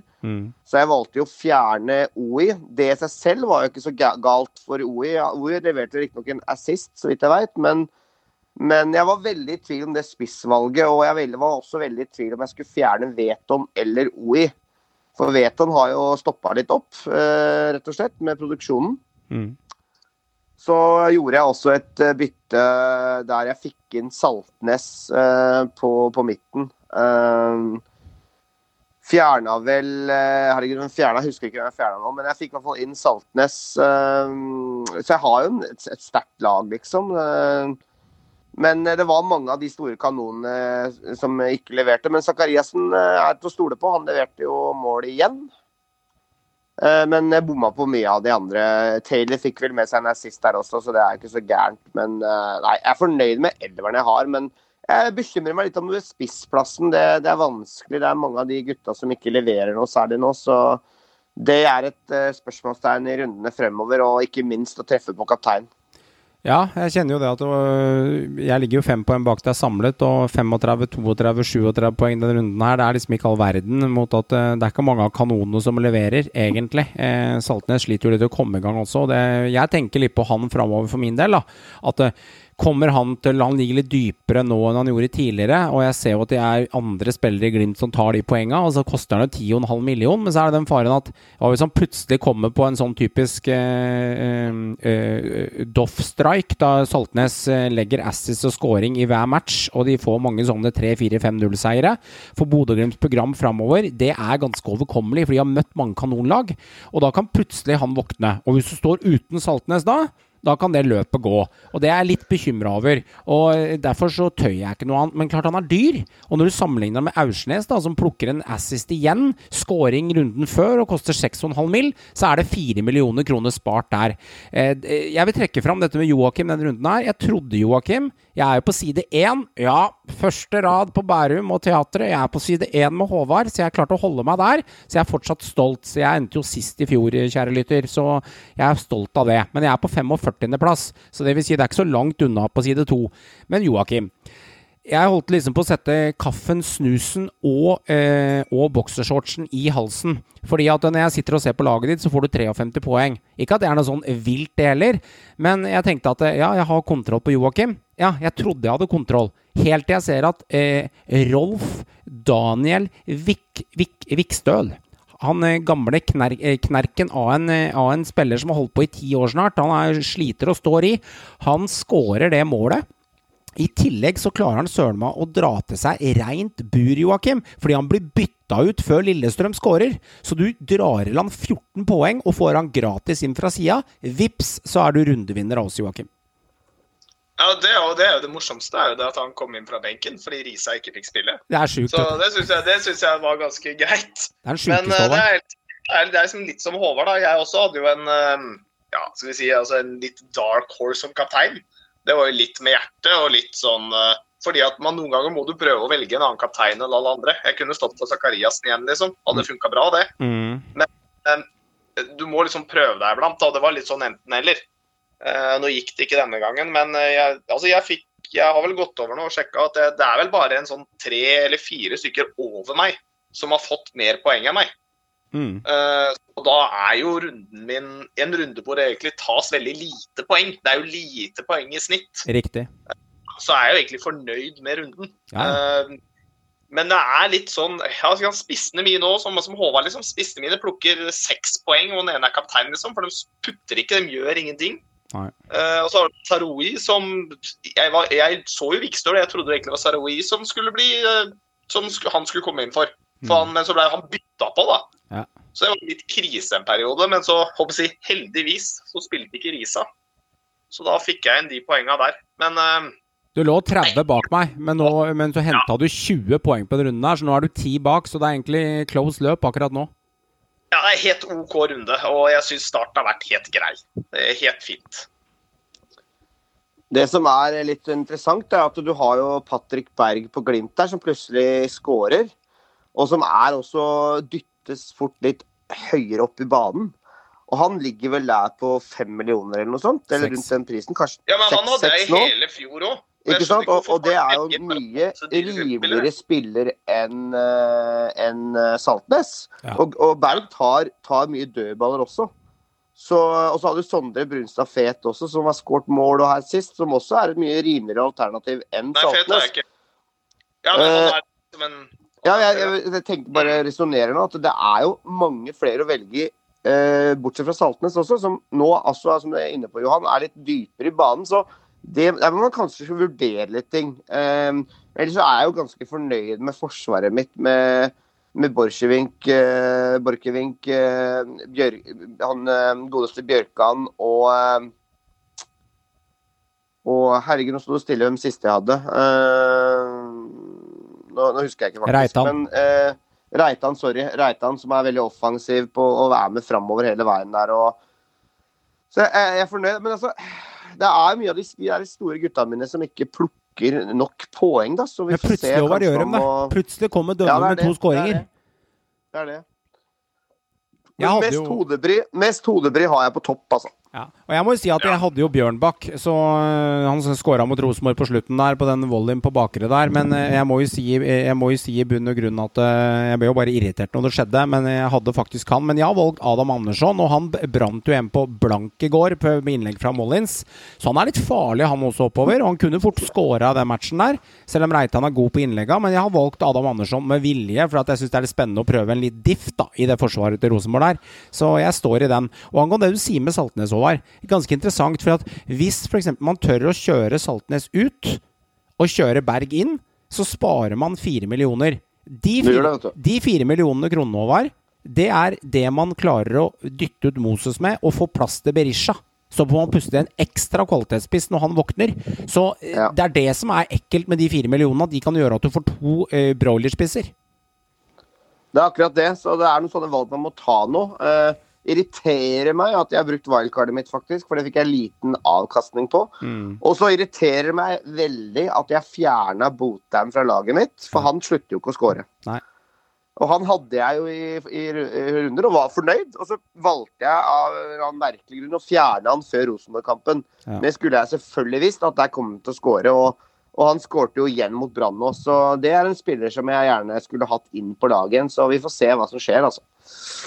Ja, det blir spennende. Det er iallfall ganske jevnt. Mer han er enn ti poeng etter Joakim igjen, på 2,21 eller hva det er. Så det er som 2,21 eller hva det er på Meran. Eh, Joakim eh, ligger, ligger ti høyre der, så ligger jeg ti høyre, og så ligger Håvard fem foran der. Så det er ikke mer enn en 20 poeng, par og 20 poeng mellom alle oss fire, Håvard. Så det- ett kapteinsbom, Håvard, eller feilbytte, så er du spist.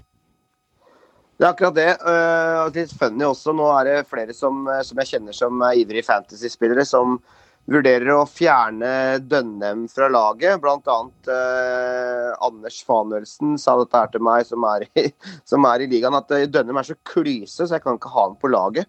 For han er, han er øh, rett og slett eh, klyse og, og, turen er bedre enn han er, så nei, han må ut av laget mitt. Så det er litt funny at det går faktisk på personen det her òg, hvilke spillere man har lyst til å ha på, ha på laget, tydeligvis. Men, men Dønnem er jo en spiller som jeg også har på mitt lag, som jeg fortsatt har trua på. Så han skaper jo faktisk mye uh, hver eneste kamp. og og er nære på å få Han får liksom med seg noe nesten hver eneste kamp, da. Så uh, det er nok en spiller som er ganske trygg i, i mitt lag, i hvert fall.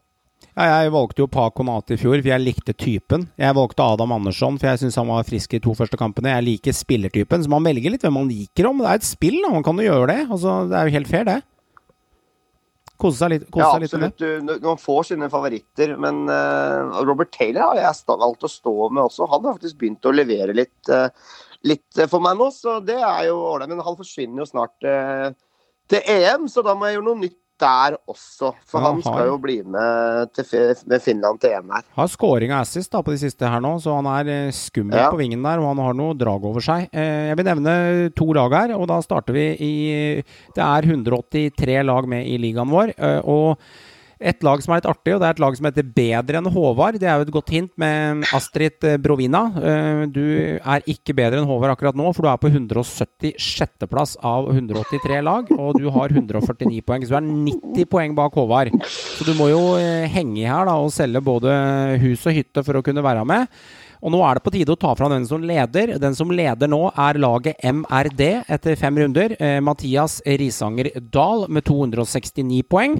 Så du er nummer én på listen. Og gratulerer, eh, Mathias, med den. Det er sterkt levert. Og du fikk 48 poeng denne runden her, så det var greit betalt. Ikke best i klassen, men du har gjort det best hittil alle fem. Et lag som ikke har gjort det så bra etter fem kamper, Håvard. Eh, vi kan jo snakke om Brann Glimt, og nå skal vi dit. Eh, kjempa, kriga, duellera, løpa. Eh, Holland som assistent. Eh, ja, det kjempes og det kriger og det duelleres. Men Brann henger med. Men det er alltid bare nesten. I hvert fall mot Rosenborg og Glimt. Og nesten river ingen av hesten, er det ikke sånn det heter? Eh, det spillemessig så, så, er jo eh, For meg som fan så er det jo gøy å se på Brann. Fordi de, eh, de, er jo med eh, i alle kampene mot topplagene, bortsett fra kanskje Vålerenga der, du, der de, altså, altså Vikingkampen var dårlig. Vålerenga-kampen så var de med hele veien, men taper 3-0. Det er en kamp som altså det Resultatet det gjenspeiler ikke kampen. Men må, både mot Rosenborg, mot uh, Glimt og mot for så vidt mot uh, Molde, så, så, er de uh, med. I, i, altså Molde i 20 minutter, 30 minutter. Men de er gode, da, en del av kampen. Men særlig mot Glimt og RBK, da, så er de, er de bra.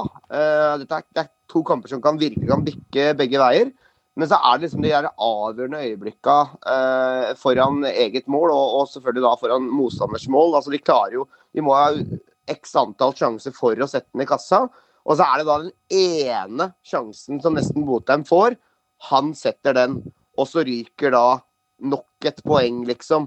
Og det er så bittert, da, når du ser liksom at gutta virkelig jobber og blør for drakta, for det syns jeg det gjør. og spille, Jeg hadde vært jævlig bekymra hadde det vært svakt spillemessig. Men banespillet og, og, måten de fremstår på, er ganske bra. Men de er nødt til å luke bort disse personlige feil. Litt sånn mm, amatørfeil, litt sånn barnefotballfeil.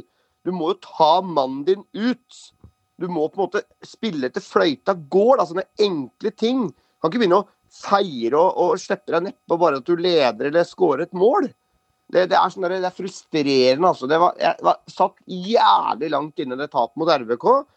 Og, og, på mange måter så var det jævlig bittert i går òg. For du, du, da kommer tilbake sant, og endelig klarer 1-1. Nå kommer poenget, men nei da. Botheim slår til igjen, og så sitter du der med smultring eh, i poengfangsten. og nei, Det begynner å se stygt ut. Fem tap på rad. Det er tidenes verste start for Brann. Tidenes verste start på toppnivå.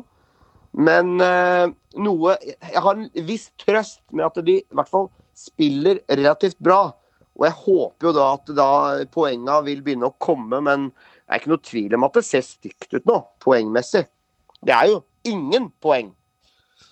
Nei, og eh, Joakim, de siste 22 kampene i ligaen vår eh, Kåre har vært eh, eliteserietrener for Brann i 22 kamper. Det er jo 75 eh, av en hel sesong, det, fordelt over to sesonger her. Så på en fiktiv tabell da, så har Brann 18 poeng under Kåre. Og de er på desidert sisteplass. Eh, Godset også er langt ned, og Sarpsborg også li ligger der nede. Mjøndalen. Det er de lagene man ofte tror ligger der. Eh, men eh, altså, disse fem kampene er på en måte greit, Joakim, med tanke på at de møter broilerlaget i ligaen, og nå blir veien litt lettere. Men 22 kamper, er det da en tilfeldighet lenger? Altså, altså Du skjønner litt hva jeg vil hen? Men det, altså det, var det jo ikke heller. Altså er, jeg tror ytterst få mennesker hadde noe Til og med i Bergen hadde noen store forhåpninger om at Brann skulle slåss på øvre halvdel av tabellen i år. Eh, altså Sånn var det ikke. Altså Fem tap, det, det, det er for mye. Altså Det er i hvert fall ett og sannsynligvis to tap for mye. Eh, men altså, han, har, han, fikk jo en jobb foran seg. Han, det er jo en jobb han må gjøre. Og det det kommer til nå, handler rett og slett om de lar nå få muligheten, altså om han nå får muligheten til å fullføre det han har begynt på der. Uh, for jeg, altså, jeg tror uh, at uh, det er At jeg tror ikke Brann nødvendigvis rykker ned med Kåre Ingebrigtsen. Det tror jeg ikke. men de må Jeg tror alt nå avhenger av de neste kampene, de to-tre neste kampene, det er helt avgjørende. For det er klart du kan ikke tape to kamper til nå uh, på rad. Det, det sier seg selv. Du kan ikke starte 0-0-7 på sesongen. Det, det, det, blir for mye. Men da er jo spørsmålet hvor problemet ligger igjen, da. Det blir jo fort treneren, men det kan vel heller uh, Håvard svare på. Hvor problemet da ligger hos Brann hvis de taper de to neste nå. Altså jeg, jeg må innrømme min personlige mening. Jeg håper at Kåre og Eirik jeg håper det inderlig at de får, at de får mer tid. Um, selvfølgelig så skjønner alle at poengene må begynne å komme. Og det er som du sier, Joakim, de to neste kampene, faktisk mot, godse, uh, altså mot Stabæk og Godset, det blir essensielle uh, viktige kamper. Uh, det er et jævlig tøft kampprogram. Eh, de må ta poeng der. For du kan ikke tape sju strake.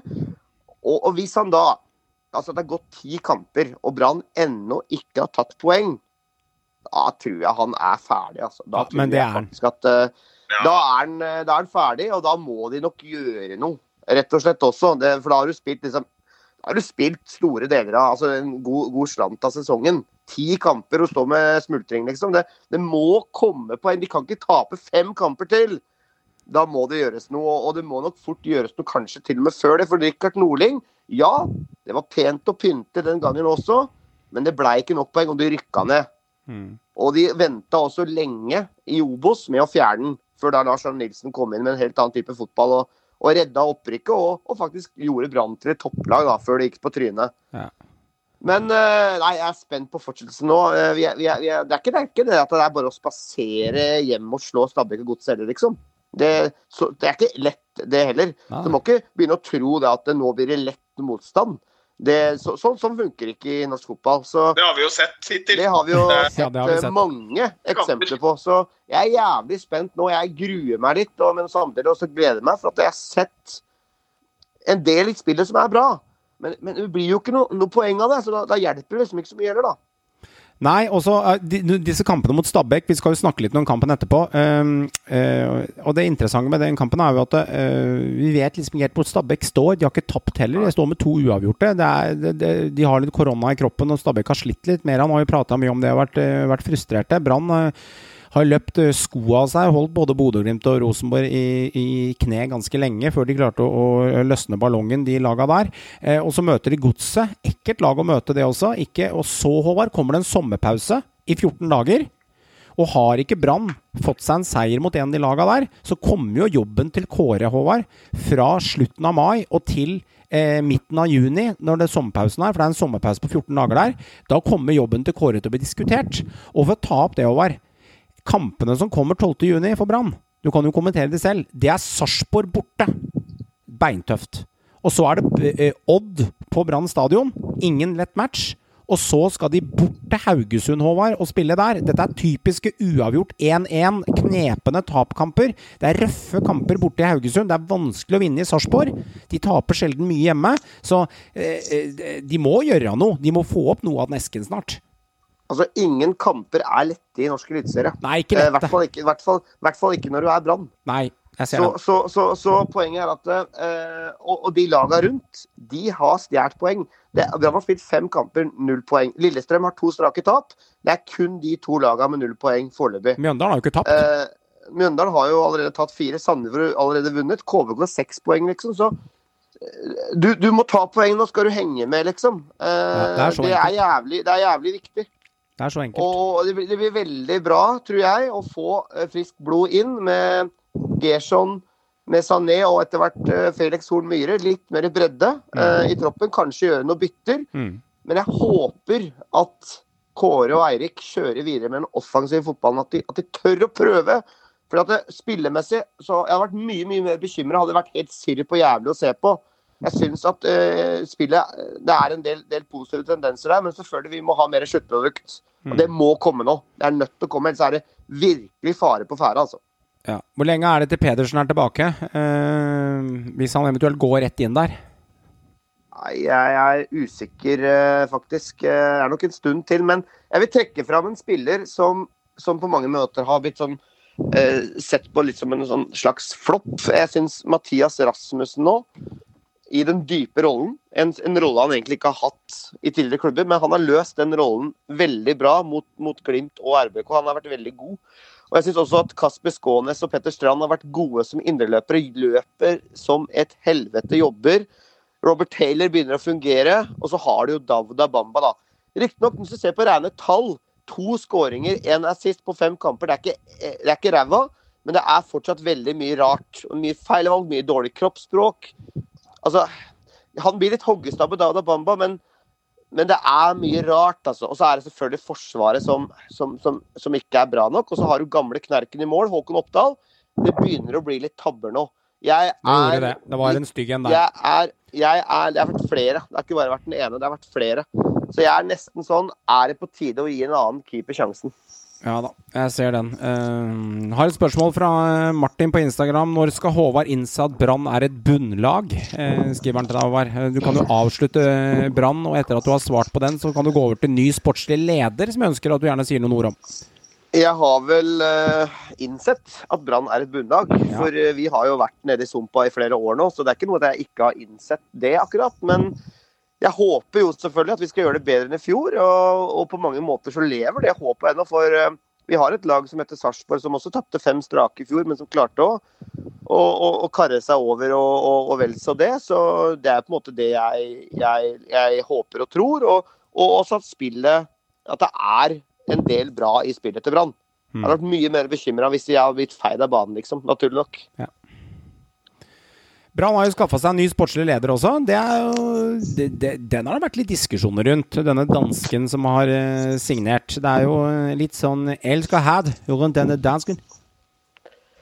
Nei, det skal sies at det er jo en uh, Det er vel litt i brannånd, vel. Uh, At det plutselig skjer noe sånn sånn helt ut av det blå. Det, det er jo en, en, en mann som rett og slett ikke var veldig populær i klubben han kommer fra. Han kommer fra Esbjerg.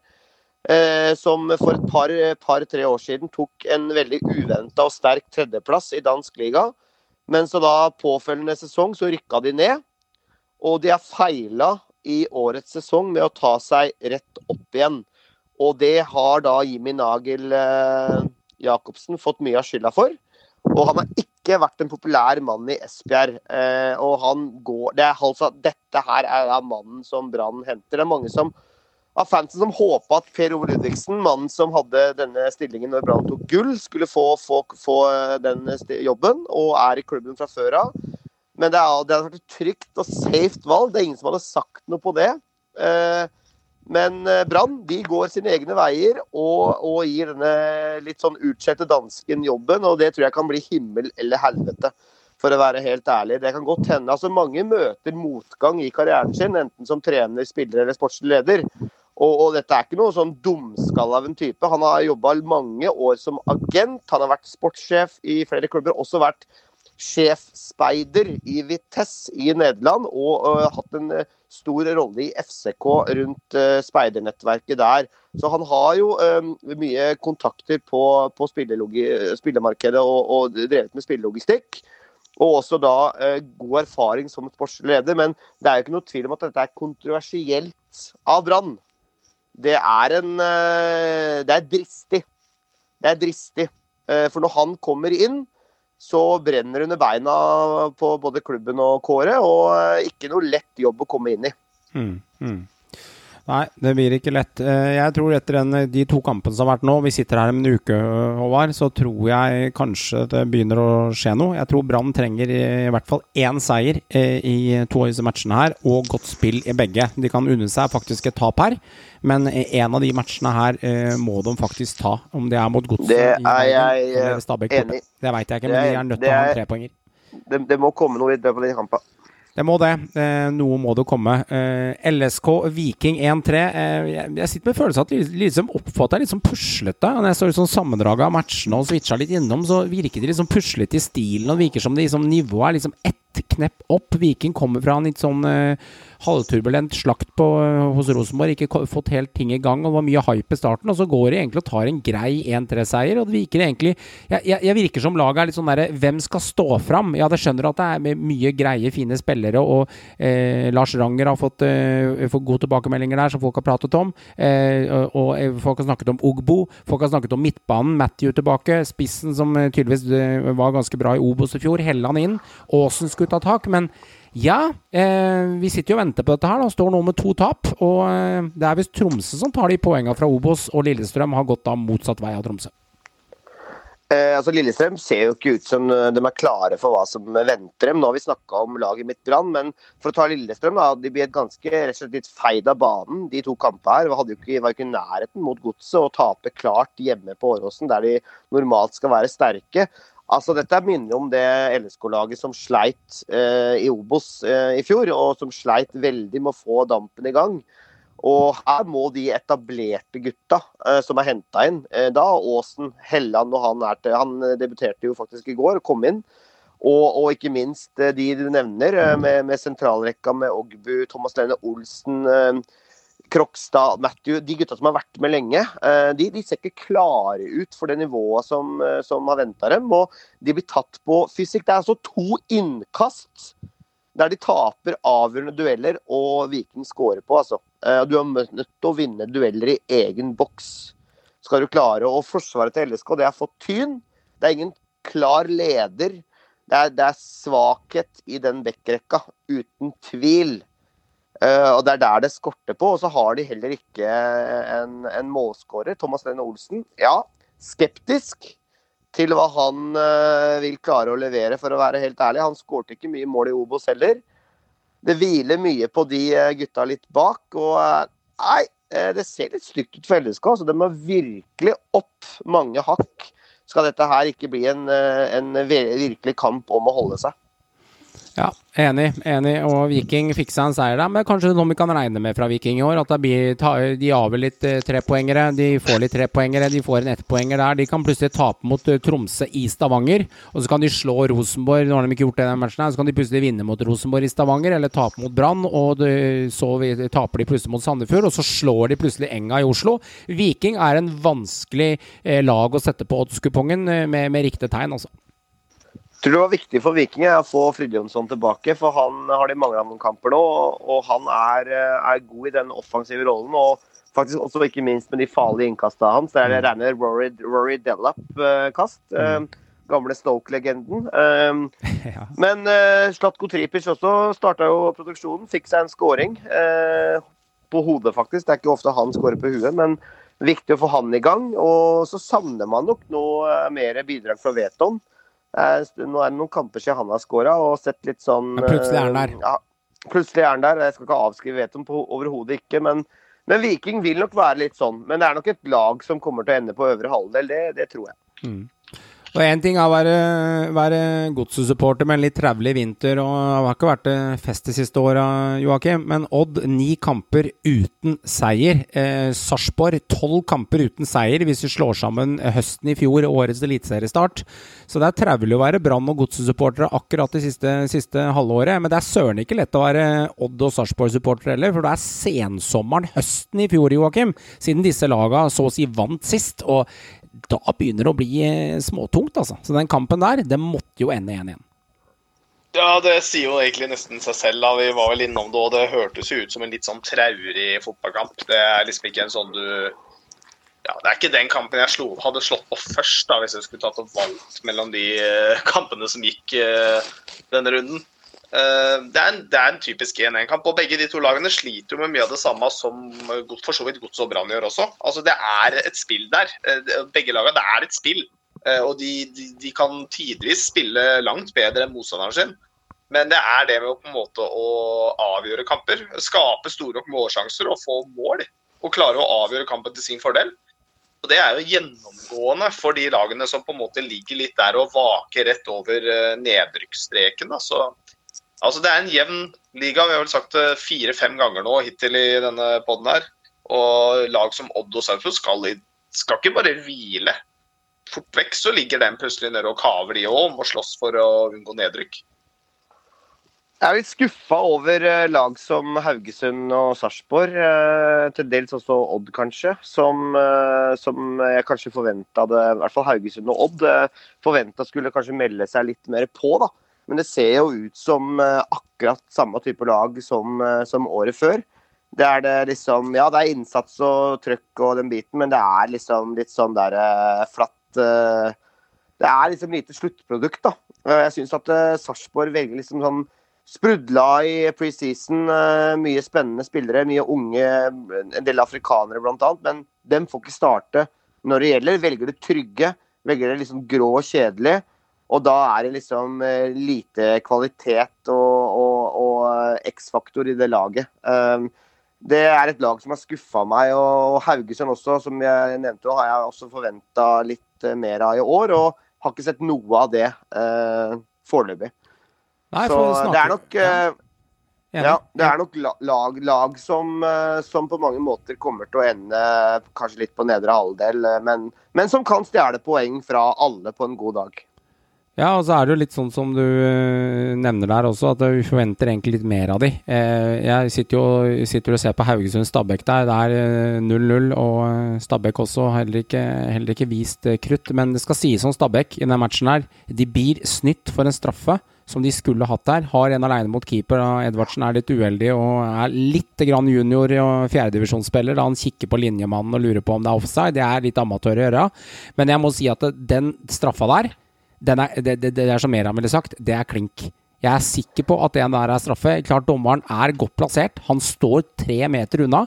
Den skal han ta. og jeg, det, det, er litt ran over den der. Jeg er enig, det skulle vært straffespark. Men jeg må, jeg må innrømme, jeg stusser på snakka litt med mer om dette. Jeg stusser på laguttaket til Janne Jønsson. Du har da altså da spillere som Solbakken, Kostadinov, Lumanza du, du, har flere av de altså spillerne man kanskje trodde skulle være bankers i elver, da, hvert fall, hvert fall som har fått mye, mye høsta mye lovord. Og så er det da litt sånn ukjente Torgersen, som jeg faktisk aldri hadde hørt om som har starta begge kampene sentralt på midten. Så tydeligvis er han veldig god, da. Men jeg syns det er rart at Stabæk kan ta seg råd til å ha sånne spillere på benken. Eh, så er jeg spent på hva de nye gutta inn med Koblenko, han debuterte nå. Fikk ikke til all verden. Og han Uche Great, eh, nigerianeren som har kommet inn, hva de kan på en måte eh, vise seg fram med. da, For det er ikke noe tvil om at Stabæk, som flere andre klubber, sliter med på spissplassen. Så, så får håpe at de for dem sin del at de eh, treffer der, og at det ikke funker mot Brann, selvfølgelig, men at det, det vil avgi gi litt mer eh, sprut og X-faktor. For det er litt sånn det er litt sånn tynt på topp hos flere av de litt sånn grå laga ja. der. Ja. Enig, og de må nok jobbe litt med relasjonen offensiv Stabæk. Eh, og nye spillerne må drilles litt inn. Sjala har vært bra. Han kom med, holdt på å levere assist igjen. Han har jo et bra blikk, eh, så han har to assist fra første kampen der. Eh, men han har jo et bra blikk, og han holdt på å sende Edvardsen gjennom der. Marana for en straffespark. Snakke litt om Haugesund der også. Jeg venter jo da på altså Waji. det er en stund siden vi har sett dette lokomotivet herje, men vi snakket om Sondre Liseth før sesongstart. Jeg var var veldig, veldig skeptisk. Eh, jeg venter, gutter, og min eh, skeptiskitet, eh, hvis det er noe som heter det, står enda. For jeg har ikke sett så mye sluttprodukt i det, det som har blitt levert her etter et par kamper. Tidlig å dømme, men jeg har alltid vært skeptisk til han, så får vi se. Deres tanker rundt Haugesund, for det er, det er traust oppover der òg. Som jeg sier, vi har ikke sett noe. Vi har ikke sett noe annet enn grått og kjedelig, for å være helt ærlig. Det, ja. Jeg hadde forventa mye mer av den rekka foran Sandberg, Waji, Liseth og ikke minst Kristoffer Welde, som har mye ved seg. Han er nødt til å steppe opp og vise at eh, den hypen, snakkisen rundt han, det er ikke et blaff. Han må ta ansvar og begynne å levere mer. og Det er en del kvalitetsspillere i Haugesund-laget, men dem er nødt til å vise det og, og, og, ikke levere på dette nivået her, for dette her har vært tynt. Mm. Altså Det er jo veldig enkelt. da du kan si Grått og kjedelig blir vel ikke mer grått og kjedelig enn å ha spilt 0-0 to kamper. Nei, det er stusslig. Altså. Altså, det, det, det, altså, det blir jo ikke noe kjedeligere enn det. Det er nesten bedre å tape 3-2, da. Da Lykke til med det, liksom. Det holder ikke nullen der. Det kan jeg si med en gang. Se for deg de vinner borte i Bodø nå, da. Ja, det hadde vel vært typisk, det. Hadde ikke overraska meg heller. Det hadde blitt sånn der, Å ja, selvfølgelig gjorde de det. Ferdig. Sånn er ja. det. Eh, før vi går på neste rundespådom, som jeg avslutter med i dag, så eh, har jeg fått en eh, henvendelse på noen par ting. Og litt artig, litt artig spørsmål. Og det er eh, Eliteserien Icelam spør Eliteseriens mest undervurderte midtbanespiller. Du kan jo ta en eh, par stykker hver hvis dere har noen i ermet. Kan du starte hos deg, Håvard? Eh, kanskje underprata eller undervurdert midtbanespiller som, som du tenker på? Snakker vi selvfølgelig ikke om eh, Eikrem da, for han er jo godt vurdert. Jeg syns uh, at uh, en solid spiller uh, Du har jo Altså, han er ikke underprata, men Etsa Sussain syns jeg er kanskje en type som ikke får så mye Stjeler ikke så mye overskrifter. Jeg syns han alltid er solid. Skårer en del mål. Jobber, dikterer, kjefter, smeller.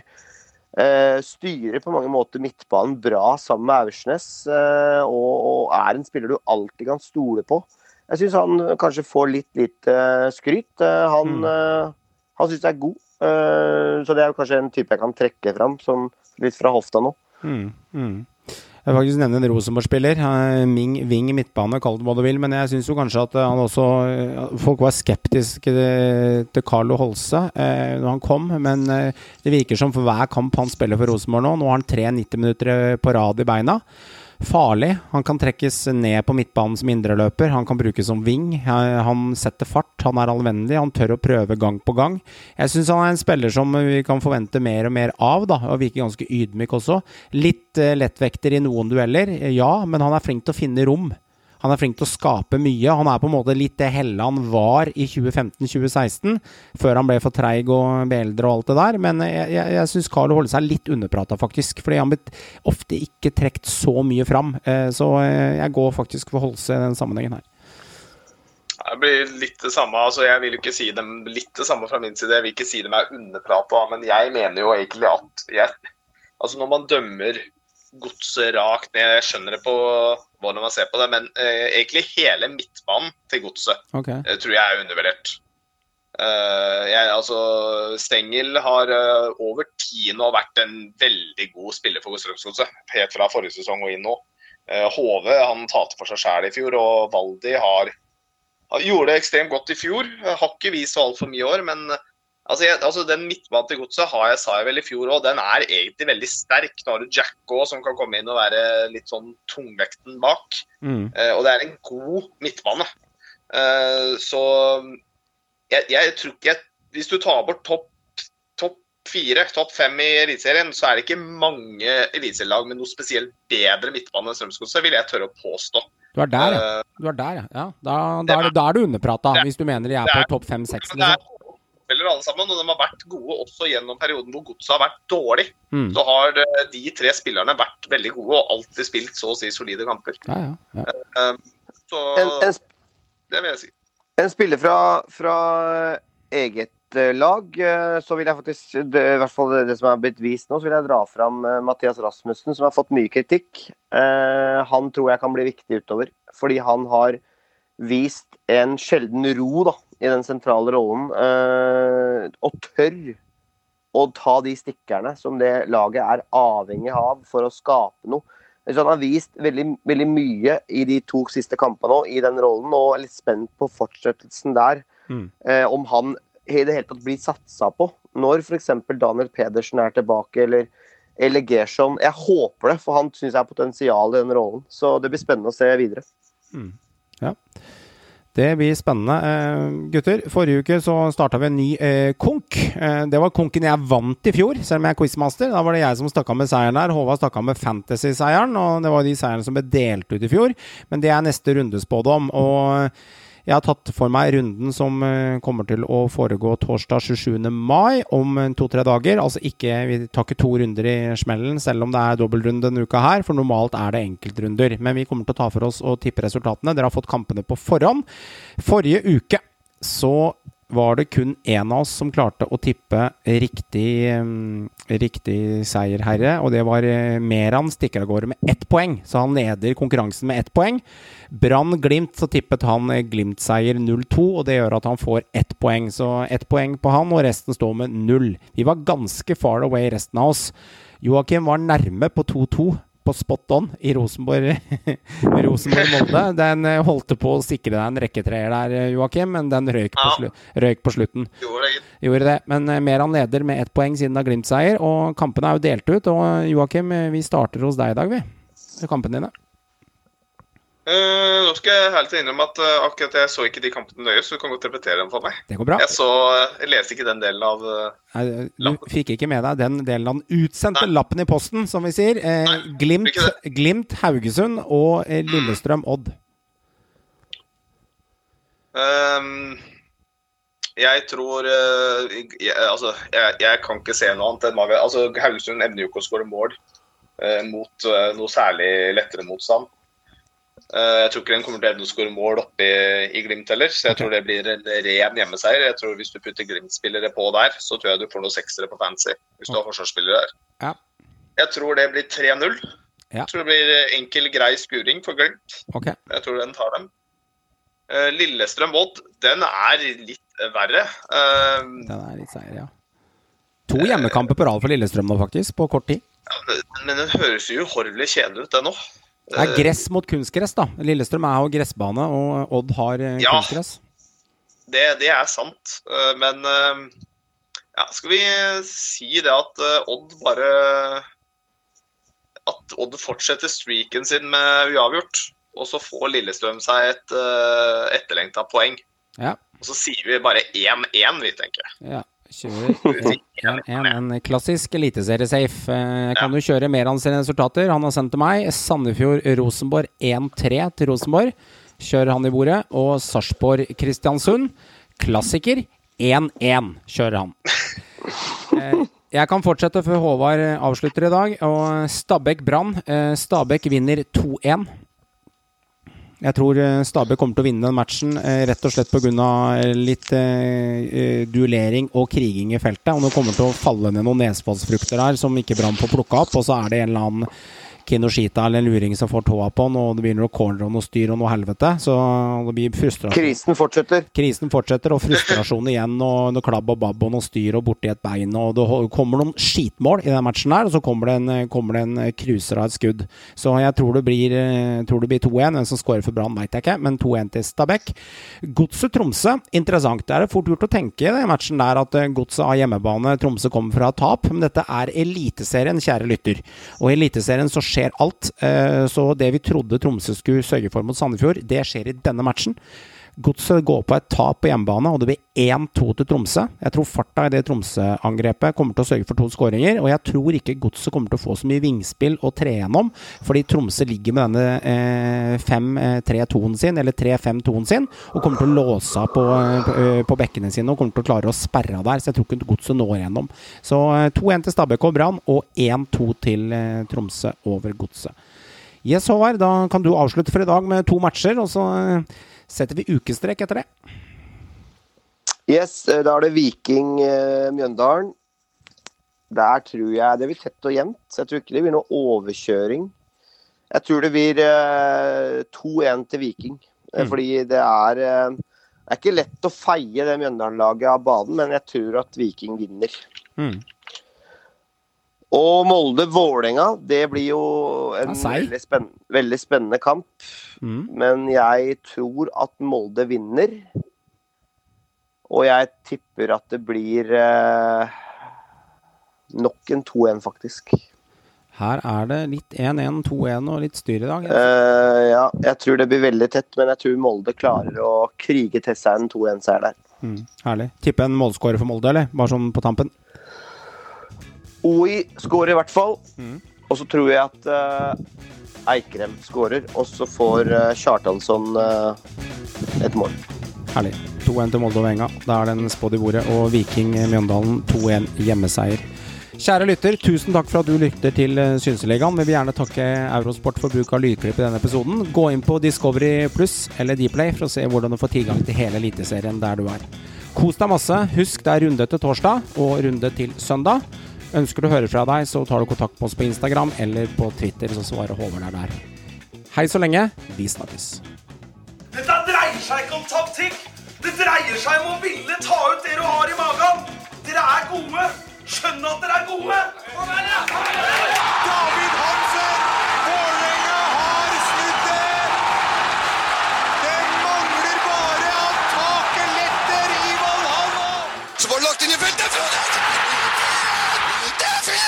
88-55 på tavla! Frode Johnsen har skåra tre!